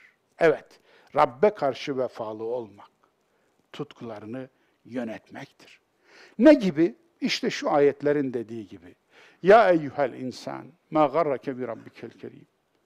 E, sen ey insanoğlu, buradaki el tüm cins içindir, tüm insanlığı kapsar. Sen ey insanoğlu, kerim olan Rabbine karşı bu gururun ne? Ne bu gururun? Niye böyle gururlusun? Yani cömert olan Rabbine karşı. Ellezî halak. Ki o Rab seni yarattı. Fesevvâk. Sana yaratılış amacı verdi. Tesviye budur. Yani torna tesviye aklınıza gelmesin tabii. İnşaatta tesviye vardır, tornada tesviye vardır falan filan da. Efendim diğer mesleklerde tesviye vardır. Ama ayette tesviye bu demektir. Fesevvak. Yaratılış amacını yüklemek. Verdi. Feadelek. Ve dengeli yarattı. Seni dengeli yarattı. Duygu düşünce dengesi. Beden ruh dengesi. Akıl duyu dengesi. Gördüğünüz gibi bir, bir, bir sürü denge içindeyiz. Bir sürü dengelerle yaratıldık. Fi eyyi suratin ma rakkebek. Ve seni istediği gibi terkip etti. Terkip. Burada rak, rakkebek efendim aslında seni terkip etti. Sen aslında mürekkep bir varlıksın. Bu ne demek? Birçok şeyin bileşiminden oluşan bir varlıksın. Tek boyutlu bir varlık değilsin. Senin beşeri bir boyutun var, ölümlü boyut. Evet, beşeri boyut, ölümlü boyut. Onun için bunu da anlıyor, anlamıyorlar, yanlış anlıyorlar. Yazıyorsun yanlış anlıyor. Yani bir de özgüveni var ki yanlış anladığını falan fark etmesi mümkün değil. Beni düzeltmeye kalkıyor orada. Efendim, kıyamıyorum cehaletini gidermeye. O kadar o kadar özgüveni var ki onu bilgilendirip de cehaletini gidermeye kıyamıyorum. Ne diyeyim? Ne yapayım? Yani en azından şunu dese, hocam ben böyle anladım, ben mi yanlış anladım değil mi? Bu böyle olması lazım. Ben mi yanlış anladım? Ben- Belki ben yanlış anlamışımdır orada. Ben kendimi düzeltirim. Ama sen yanlış anladınsa seni düzeltirim. Fakat öyle değil. Kafana vura vura eline tokmağı almış, kafana vura vura diyor ki bilmiyorsun efendim. İyi de kendisi hiç bilmiyor. Nasıl düzelteyim ben bunu? Hiçbir şey demiyorum onun için. Onun için yani Resulullah'a beşer diyen ayetler ki iki yerde var. Anlatabiliyor muyum efendim? Onun ölümlü tarafını hatırlatan ayetlerdir. Çünkü beşera deriye denir Arap dilinde, deri. Onun için şu kadavramız beşer tarafımızdır. Kadavramız, cesedimiz, cüssemiz beşer tarafımızdır. Bu kadar yetsin neyse çok derine gidersek biraz zaman yetmiyor. Fi eyyi suratin maşa rakkibek. Kella bel tukezzibune biddin. Yo yapmayın böyle hayır. Durun burada, durun burada. Ne olur durun burada. Bir adım daha atma demektir bu kella. Yo demektir, hayır demektir. Kur'an'daki hayır sesleri üzerinde daha önce durmuştum. Hayır sesleri çok önemli. Hayır, hayır kelimesine görüyor musunuz? Ne güzel yakışıyor her yere efendim. Hayır aynı zamanda yok demek, değil demek, ı demek. Ama biz o kelimeyi almışız. Aslında Türkçe'de, öz Türkçe'de çok, yok şeklinde telaffuz edilmiyordu. Çok şeklinde telaffuz ediliyordu ilk Türkçe'de. Halen de Orta Asya lehçelerinden bazılarında çok şeklinde telaffuz edilir. Ama biz hayır aldık, hayrı aldık Arapça olarak. Niye? Yokluğunda hayır vardır yorumuna dayanır mı? Yani bir şey yoksa yokluğunda da hayır olabilir anlamına gelir. Oradan bile bir hayır çıkarmışız yani. Evet. Kella bel tukezzibune biddin. Yo. Onlar dini yalanlıyorlar. Ne demek dini yalanlamak? Din ne demek? Din. Çünkü dinden bugün herkes din anlamını bildiğini zannediyor. En çok anlamını bildiğini zannettiğiniz kelimelerin en çok anlamı bilinmiyor biliyor musunuz? Kur'an kavramlarının, kavram diyorum bakınız bunlar önemli, idiom yani terimler. Kur'an terimlerinin, Kur'an kavramlarının maalesef anlamları yok olmuş. Gerçek anlamları. İthal anlamlarla o yok olan anlamların boşluğunu doldurmuşuz. Bu ithal anlamlar ya Yahudilikten ithal, ya Hristiyanlıktan ithal, ya Budizm'den ithal ya da İran dinlerinden ithal olmuş. Genellikle de İran dinlerinden ithal olmuş çünkü bize Horasan'dan gelmiş bu. Bu Kur'an anlamlarını boşaltıp yeniden doldurma işi. Dolayısıyla biz aslında Kur'an'ın anlattığı din kavramını hiç öğrenmemişiz.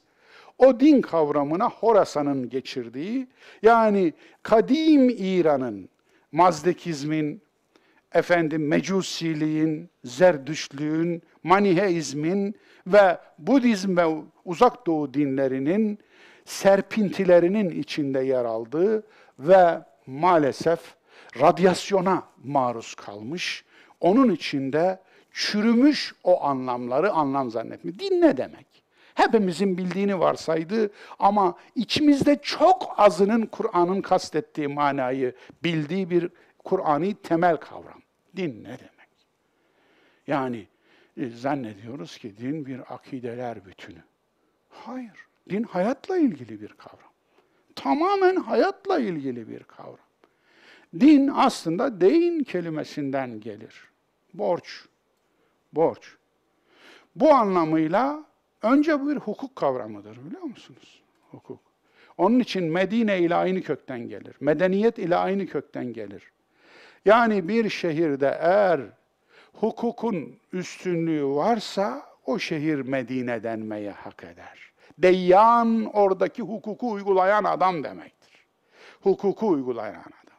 Dolayısıyla hukukun üstün olduğu yer anlamına gelir Medine. Medeniyet de hukuku üstün tutan bir uygarlık demektir. Yani bugün Müslümanların en mahrum olduğu şey. En mahrum olduğu şey değil mi? Maalesef. Efendim, gelelim daha özüne. Boşluk bilincidir. Aslında en yüksekten en aşağıya doğru boşluk bilinci. İnsanın biliyorsunuz toprağa borcu var, suya borcu var, havaya borcu var, yere borcu var, anne babasına borcu var, çevresine borcu var, hocasına borcu var. Efendim en yüksek, varlığın en yükseğinde de Allah'a, yaratanına borcu var vesaire. Eğer bir insan bu borç silsilesi içerisinde mesela bir insana olan borcunu inkar ediyorsa bu silsilenin tamamı etkilenir. Zincirin tamamı etkilenir. Mesela borçlusun ama borcunu vermiyorsun. Söz vermişsin, sözünü tutmuyorsun.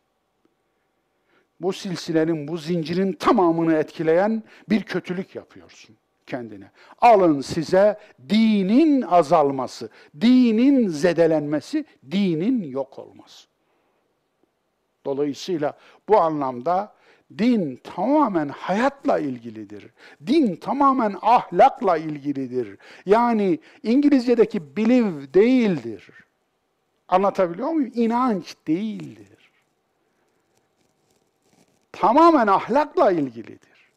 Onun için size dininiz ne büyük fenalık işletiyor diyen ayet Bakara 93 bunun için böyle diyor.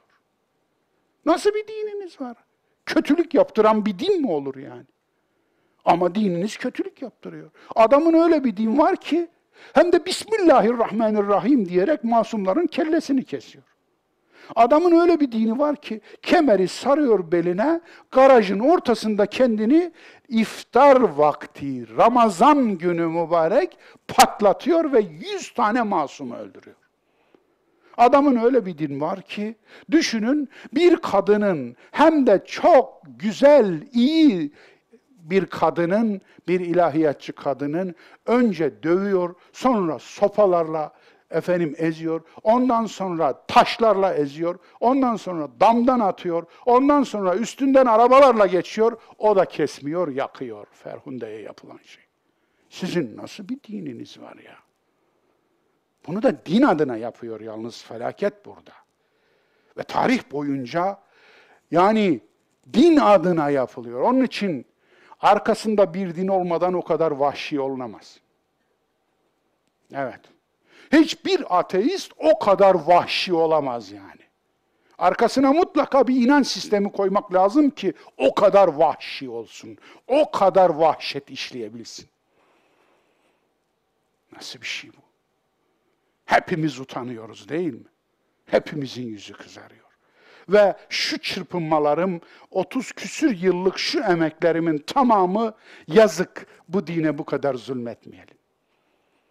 Bu nimetlere bu kadar nankörlük etmeyelim diyedir ama ne kadar becerebildim ondan emin değilim. İnsan türü bunu nasıl, buna nasıl şahittir? Tüm kötülüklerin anası içki midir? O zaman hayatın her gün tekzip ettiği bu sözü Nebi söylemiş olabilir mi? Öyle olsaydı ağzına damla koymayanlardan kötü çıkmazdı.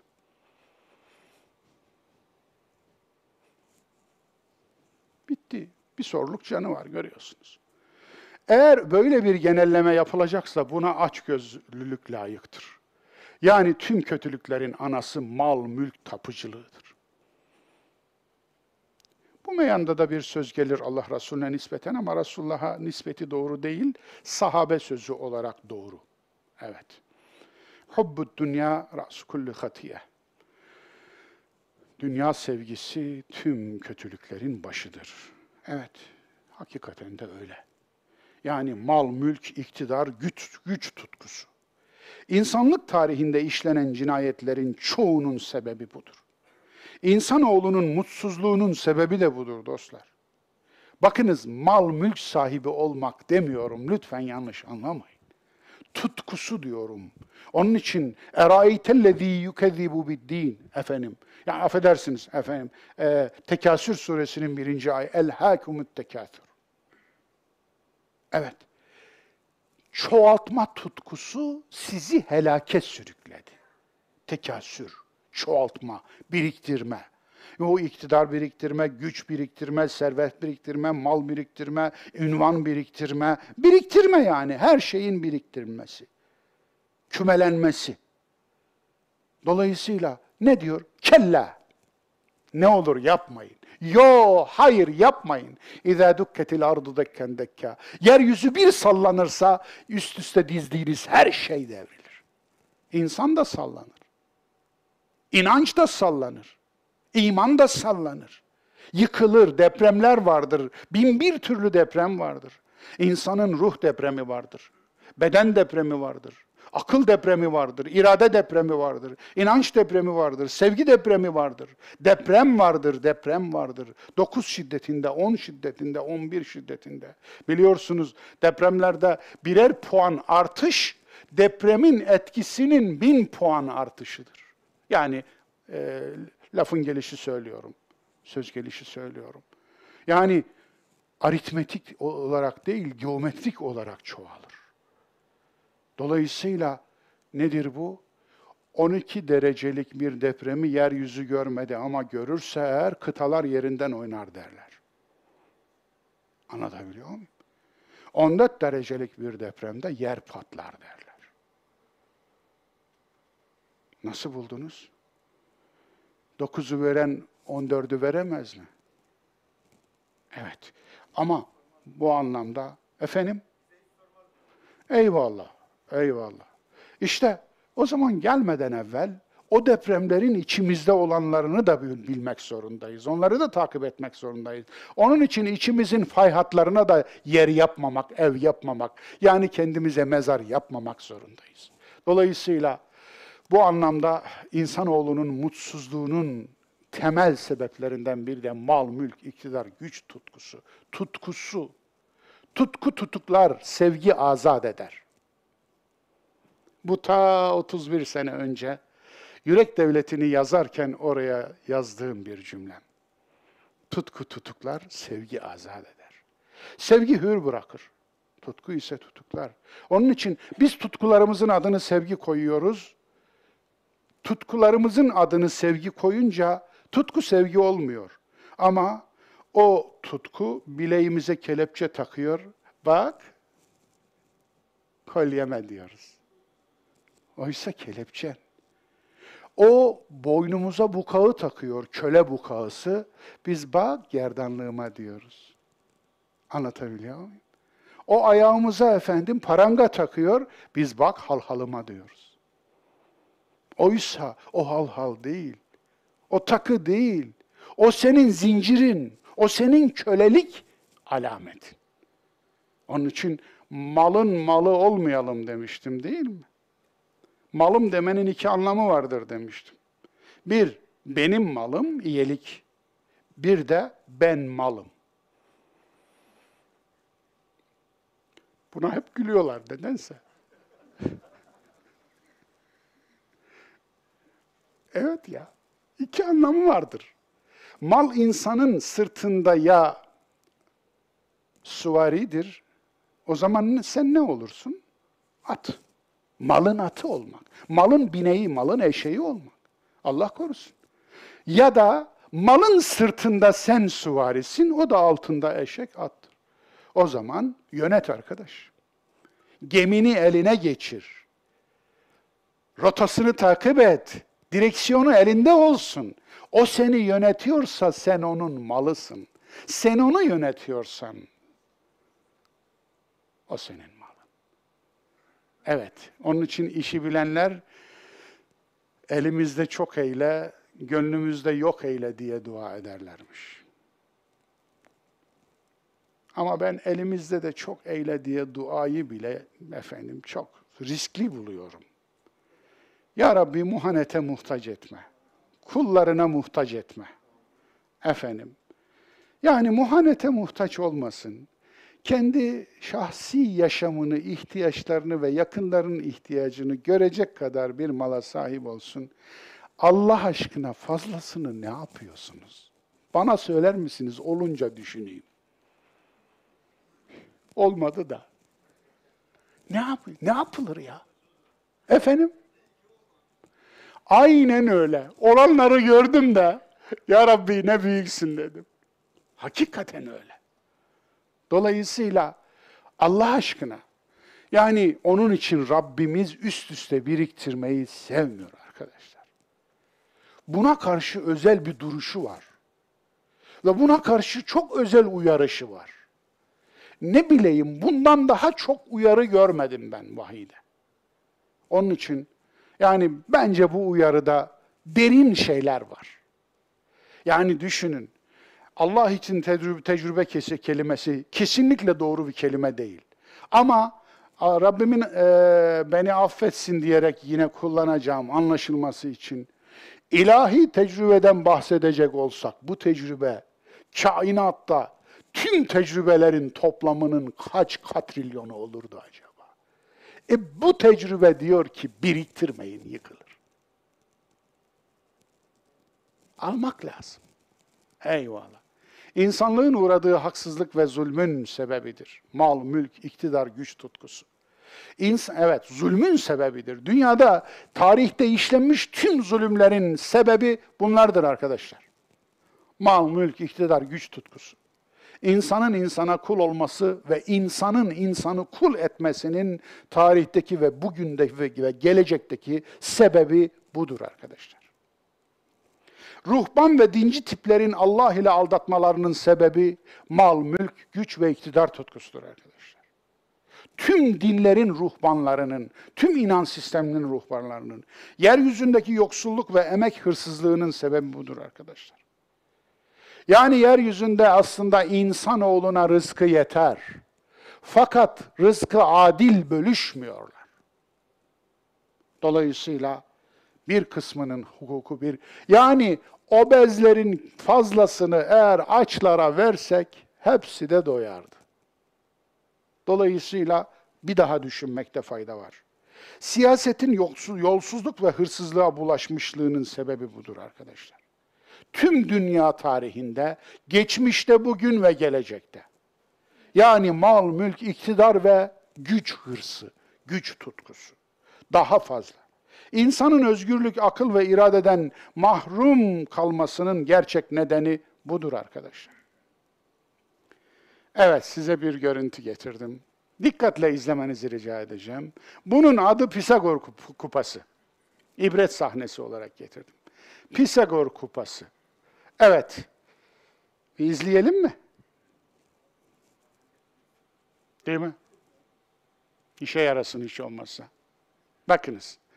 Bunu mal kabul edin, güç, iktidar kabul edin.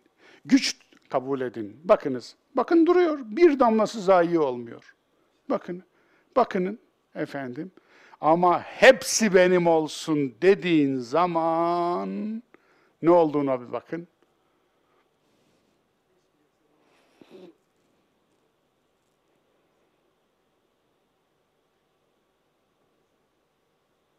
Bu Pisagor kupasıdır. Hepsini istersen hepsini kaybedersin. Davud üzerinden verilen mesaj neydi?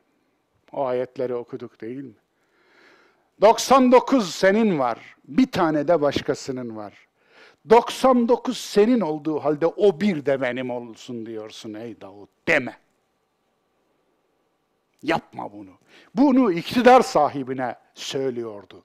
Yani bir erke söylüyordu, bir krala söylüyordu, bir devlet başkanına söylüyordu Kur'an. Davut bunu söylediğinde devlet başkanıydı. Hepsi benim olsun deme.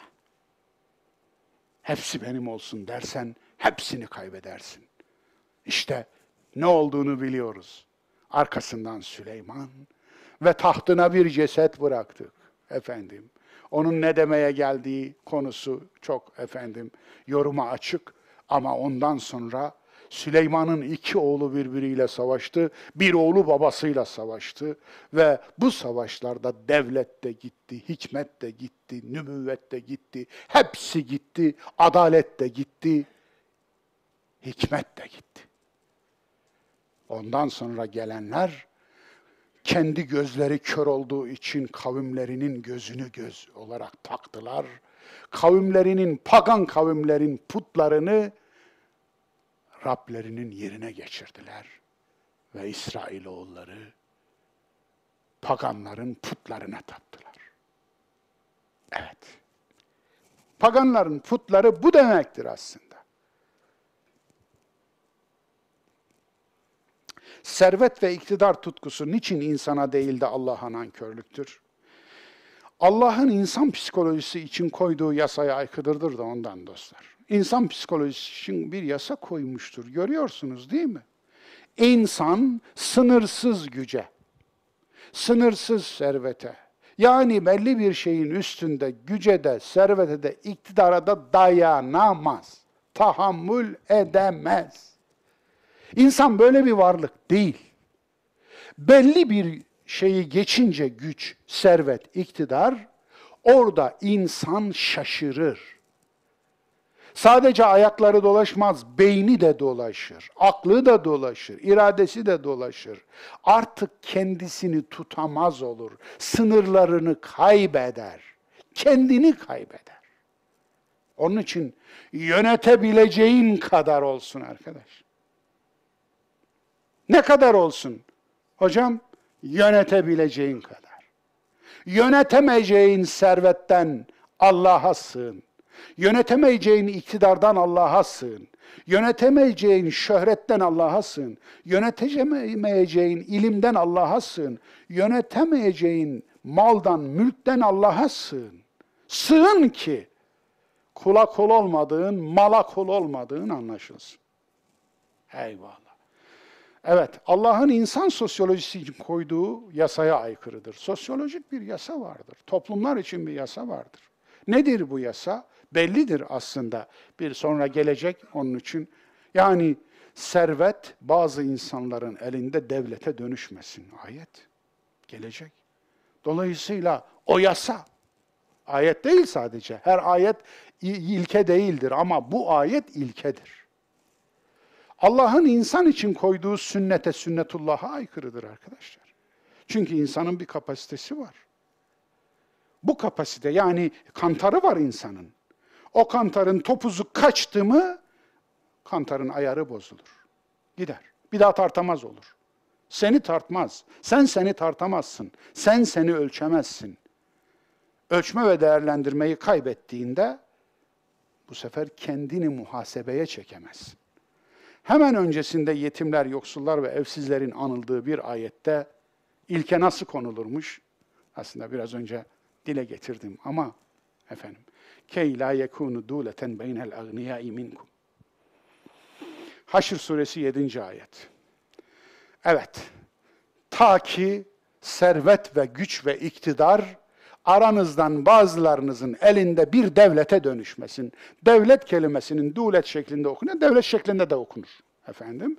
Ee, geçtiği tek ayet var Kur'an'da o da budur, o da olumsuz geçer. Aç gözlü tip en vahşi ve en yırtıcı insan tipidir. Vahşet ve ünsiyet insanın içindeki hayvan ve insanın içindeki insan. Evet. İnsanın içinde, her insanın içinde hem hayvan var hem insan var arkadaşlar. Alt beyin hayvanlarla beraber taşıdığımız bir şeydir. Alt beyin geçmişi 100 milyon yıllıktır. Anlatabiliyor muyum? Oluşumu da öyledir. 100 milyon yılda oluşmuştur. Hayvanlarla ortak beynimizdir. Hayvan beyni de denir ona zaten. Limbik sistem denilen şey. Orada yani biliyorsunuz. Beyincik orada. Korkumuzun merkezi. Amigdala orada. Hormonlarımızın merkezi. Efendim işte şehvet hormonumuzun merkezi. Şunun bunun efendim korkumuzun merkezi. Efendim orada. Efendim hipokampüs orada. Çok ilginç. Geçmişten getirdiğimiz bir uzun erimli hafızamız var. Orada. Efendim işte talamus, hipo, hipotalamus efendim onlar da hep motor e, sistemlerin e, işleyişini temsil eder. İşleyiş oradadır. Yani yazılım oradadır. Onun için insan kafasını kalbinin atışına takınca kalbi teklemeye başlar. Niye? Bırak da işini yapsın değil mi? Bırak da işini yapsın. Onun için kalbinizi oralara takmayın. Oralara kendini takmış, adamış bir yeriniz var yani. O işini yapsın. Evet, insan eğitilebilir bir varlıktır. Rabbe karşı vefalılık budur işte. İnsan eğitilebilir bir varlıktır. Servet, güç, iktidar hırsı insanı insanın kurdu yapar. Hani Latince'de homo homini humus, e, lupus dedikleri efendim şey var ya, budur işte. Yani Leviathan'da Thomas Hobbes bunu Bunun üzerine koca bir eser yazmış. İnsan insanın kurdudur. Yani eğer insan insanın kurdu olursa kurt kanunu yürürlükte olur orada. Herkes birbir, kurtlarda kanun neymiş biliyor musunuz? Açlık günlerinde hiçbir av bulunamazsa başlarını birbirlerine değerek yatarlarmış. Yuvarlak yaparlar. Başlarını birbirlerine ilk uyuyanı diğerleri yermiş. Nasıl buldunuz? Bu bir yerden tanıdık geldi diyen var mı aranızda? Yani iki ayaklı kurtları görüyorsunuz değil mi? Evet. İnsan da kurtlaşırsa kurttan daha canavar olur biliyor musunuz? O yiyeceği kadar yer insan yemeyeceği kadar öldürür. İnsanı ne bozar? Bozulan insanı ne tutar? İnsanı ne bozar dostlar? İnsanı işte bu bozar. Servet tutkusu, güç tutkusu, iktidar tutkusu, mal tutkusu. İnsanı bozulan insanı ne tutar? Bozulan insanı hiçbir şey tutamaz arkadaş. Bozmamaya çalışacaksın, bozmayacaksın. Kainatı yaratanın sözü de tutmazsa asıl ondan korkun. İşte bu yüzden dincinin aç gözlüsü, dinsizin aç gözlüsünden bin beterdir. Daha büyük zarar verir. Niye? Arkasında bir inanç sistemi vardır. Referansını inanç sistemine verdiği zaman yapmayacağı ahlaksızlık yoktur. Çünkü meşrulaştırmayı Allah'tan başlatır.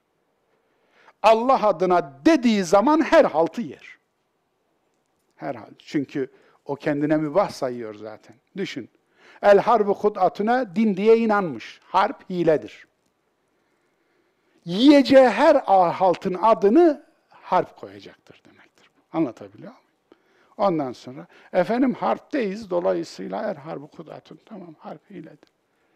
Ye hak hakları, ye haramı, yap yolsuzluğu, yap şunu, ye bunu, ye onu, yap zulmü, adına da el harbu hudatun koy. Bu ilkesizliğin dibidir dibi. Bu kokuşmuşluğun dibidir.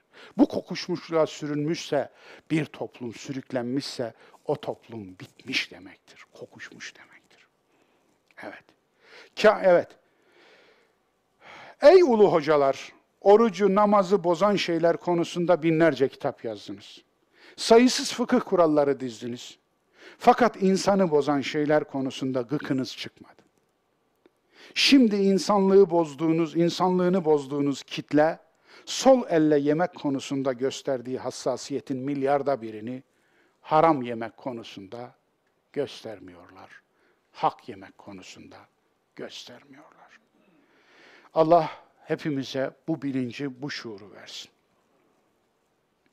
Ekler, evet, uyarı bile gelmedi interkomdan. Demek ki ya interkom uyuyor ya da dersi izliyor. Reji.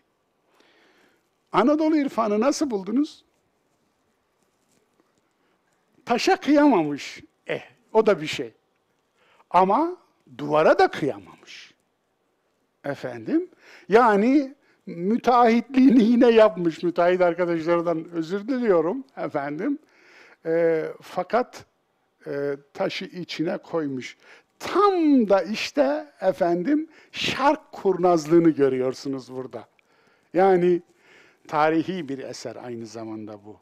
Bu tarihi bir eserdir, korunması gereklidir. Bu taşlar tarihi bir veridir aynı zamanda. Hani dedelerinin mezar taşını okuyamıyorlar şeyi var ya böyle sloganı piyasada gezen. Zannedersin Osmanlı döneminde insanlar dedelerinin mezar taşlarını okuyorlardı. Kim söyledi size bunu? Ondan öte Anadolu insanının dedelerinin kaçının mezar taşı vardı diye sorun bana yazılı mezar taşı. Bunları siz sıradan insanların mezar taşı mı zannediyorsunuz? Sıradan insanın böyle bir mezar taşı olabilir mi zannediyorsunuz? Anadolu insanı Osmanlı'nın asker deposuydu. Alır, götürür, bin bir cephede efendim harcar, gelir, döner gelir, bir daha alırdı. Dadaloğlu isyanları, Celali isyanları falan filan boşuna yaşanmadı ki. Hiç okumaya merak ettiniz mi? Bir bakın isterseniz. Evet. Onun için bu mezar taşı hikayesini artık bitirsek iyi olur, ayıp oluyor. Bu da Anadolu İrfanı'nın ikinci sayfası. Bunu nasıl buldunuz? Bayağı işçilikli değil mi? Bakınız şu mezar taşındaki kavuklar ölünün sınıfını gösterir.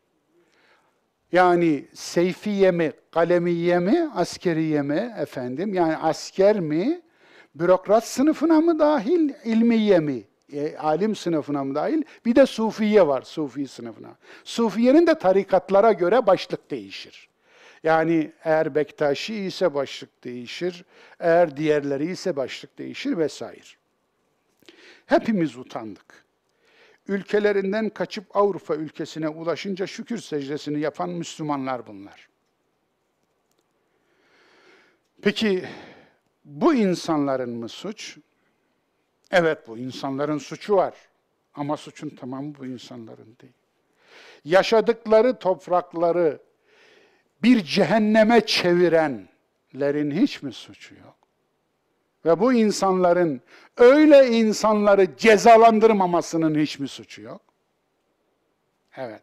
Ondan sonra geldiğin ülkede ekmeğini yiyeceksin, suyunu içeceksin, gidince efendim secde edeceksin. Ben gözlerimle gördüm Paris'te Cezayirli gençlerin efendim turnikenin üstünden hadi atlıyorlar o neyse de şey elindeki çakıyla e, metroyu efendim orayı burayı dilik dilik ettiğine bir tanesiyle Arapça efendim e, böyle biraz tartışma da yaptık efendim.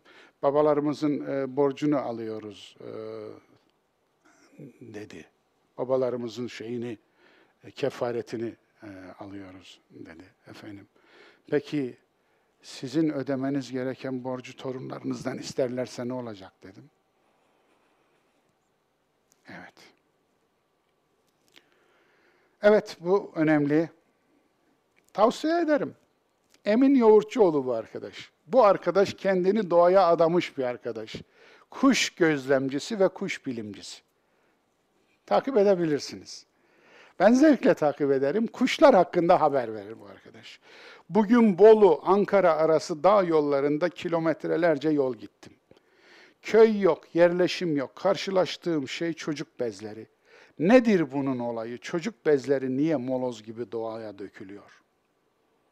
Ne diyorsunuz? Aslında diğer fotoğraflar vardı. Keşke arkadaşlar onları da alsaydı da size çocuk bezlerini gösterseydim. Tabiat ayetleri. Bir kızıl derili öğretisi diyor ki. Evet tabiat ayeti. Bakınız tabiatı bir ayet gibi okumak bir kızıl derilinin bizden daha iyi yaptığı iş olabiliyor değil mi? Okuyalım. Atın içtiği yerden su iç. Kedinin yattığı yerde uyu. Kurdun değdiği elmayı ye. Sivrisineğin konduğu mantarı topla. Köstebeğin kazdığı yere ağaç dik. Yılanın ısındığı yere ev yap. Horozla beraber uyu ve uyan. Konuşmak yerine daha çok sessiz kal. Hayvanlardan öğrendik biz birçok şeyi desem haklı mıyım? Eyvallah. Alın buyurun haklı olduğumun bir delili daha. Terziliğin piri bu kuş olabilir mi?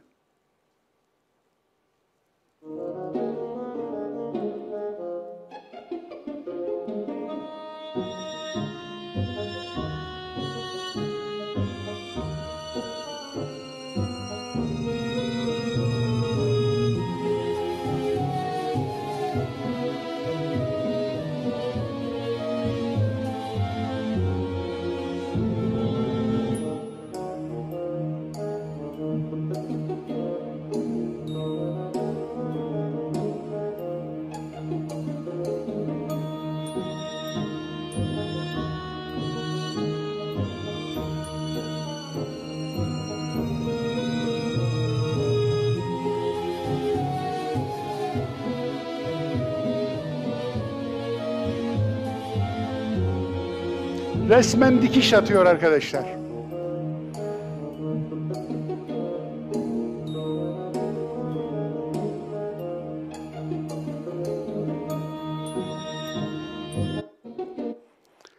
Görsel tavsiyem bu. Allah Allah. Ya hoca ne yaptın efendim? The Lord of the Rings. Yüzüklerin Efendisi, üçlü bu. Bunu bir masal diye izlemeyin. Bunu niye bu derste tavsiye ettim biliyor musunuz? Bu güç tutkusunun hikayesidir. Güç tapınısının hikayesidir bu. Bir yüzüğün hikayesidir aslında. Kahraman başrol yüzüktedir. O yüzük bir güç yüzüğüdür. Gücü temsil eder, iktidarı temsil eder, sonsuz gücü. O yüzüğü eline geçiren sonsuz bir güce sahip olur. İstediğini öldürür, istediğini yaşatır. Tam bir firavun olur yani. O yüzük sahibini firavun eder. Ene rabbukumul ala dedirtir. Ben sizin en büyük Rabbiniz değil miyim? Dolayısıyla o yüzüğü ele geçirmek için o yüzüğü ele geçirmek için insanlar insanları öldürür, insanlar insanları yakar, birbirlerini yok eder, birbirlerine savaş açar, birbirlerini e, soykırıma sürüklerler. Onun hikayesini anlatıyor. En sonunda o yüzüğü götürür, bir cüce üstelik bir bücür tutar, arkadaşlarıyla birlikte götürür ve yüzüğü ait olduğu yere yani bir e, Savron Dağı mıydı? Oraya atar. Ait olduğu yere gittikten sonra yüzük insanlar kurtulur. Dolayısıyla Allah'ın kullanması gereken gücü siz kullanmaya kalkmayın. Bir insan buna talip olursa milletin, insanlığın başına, kendi başına da bela olur. Bu onun filmidir de onun için. Uydurulmuş din. Bu çok ilginç bakınız. Efendim teker teker Arapçasını e, şey yapmayacağım. Some of its forms can be kufr akbar. Some of its forms can be kufr akbar. We mentioned In the podcast, Futbol küfürdür diyor şu anda. forms that it can become kufr akbar. Evet. But what's the bare minimum that? It's kufr asghar. It's kufr asghar. It's higher than al-kabira ka- kabair. Major sins. So where the man-made laws in football? I don't understand. Okay, we know in our legislation. Tekmeye diyor kırmızı kart olmaz diyor, gösterilmez diyor. Tekme vuran futbolcuya kırmızı kart. Tekmeye kısasa kısas olmalı diyor, o da ona tekme atmalı diyor. Şimdi yorum yapıyor futbol hakkında. Dolayısıyla yani e, bu uy- uydurulmuş dinin birinci şeyi. Evet. Arkadaşlar yanlış mı yaptım ben ya? Efendim, ha. Evet. Yaren dede türbesi boş çıktı diye manşet attı gazeteler. Yıllarca adak adandı, dualar edildi. Ben de üstüne yazdım. Dolu türbe olur mu be şaşkın? Türbenin dolusu olur mu? Kullu şeyin yerci'u ila aslı. Her şey arc aslına rücu eder. Bu beden topraktan geldi, toprağa döner. Toprağa dönmeyen bedenler firavun bedenleridir. Evet ya, gidin ben gördüm Mısır'da Tahrir Müzesi'nde. Şimdi açık mı hala bilmiyorum. Firavunların cesetlerini, mumyalanmış cesetleri. Yani toprağa dönmüyorsa o firavun bedenidir. Dolayısıyla toprağa döner. Ne istiyordunuz türbeden? Ne bulacaktınız? Yani olmayan çocuğunuzu türbe mi verecek size? Kapanan kısmetinizi türbe mi açacak? Dolayısıyla artık türbelere Allah muamelesi yapmaktan vazgeçme günü gelmedi mi? Allah'ınızın aşkına. Ölülerinizi rahat bırakın. Eyvallah.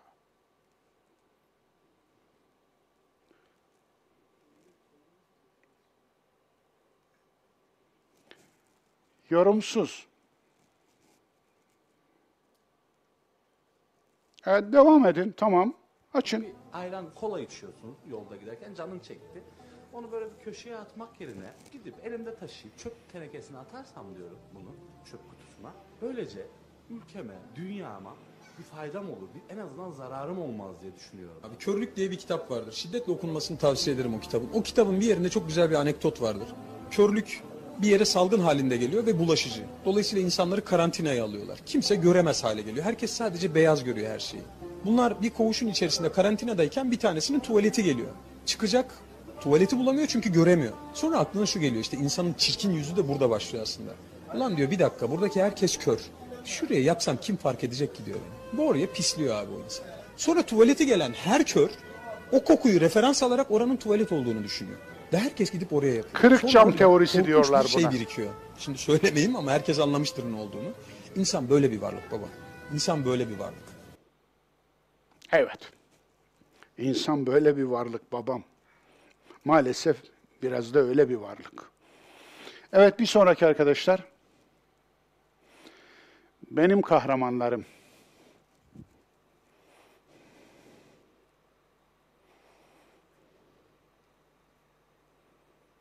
Bunlar Allah'ın sessiz kulları arkadaşlar. Ne olursunuz denk geldiğinizde açsa açlığını giderin, susuzsa su verin. Muhtaçsa eğer ihtiyacını görün.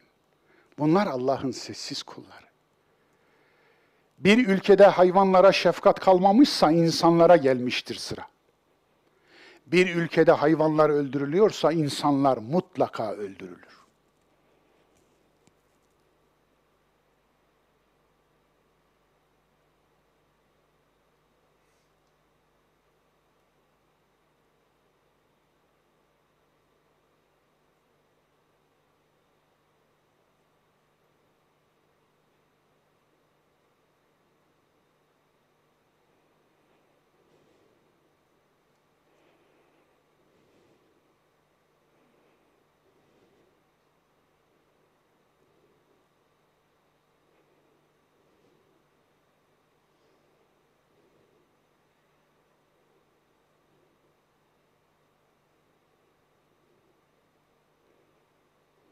Ya.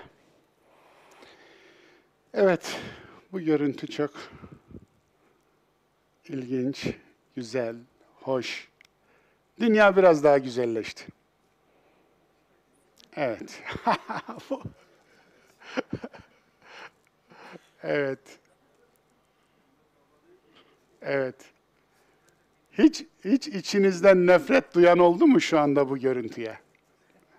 Evet, insanlığından şüphe edilir değil mi? Evet efendim, teşekkür ediyorum. Bugün de bu kadardı. İnşallah iki hafta sonra yeni bir derste, yeni bir Kur'an'ın hayat yürüyüşü dersinde buluşmak üzere. Hepinizi Allah'a emanet ediyorum. Hoşça kalın, sağlıkla kalın, huzurla ve mutlulukla kalın.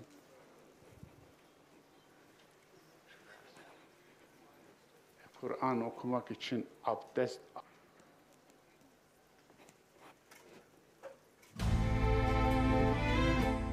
Bye.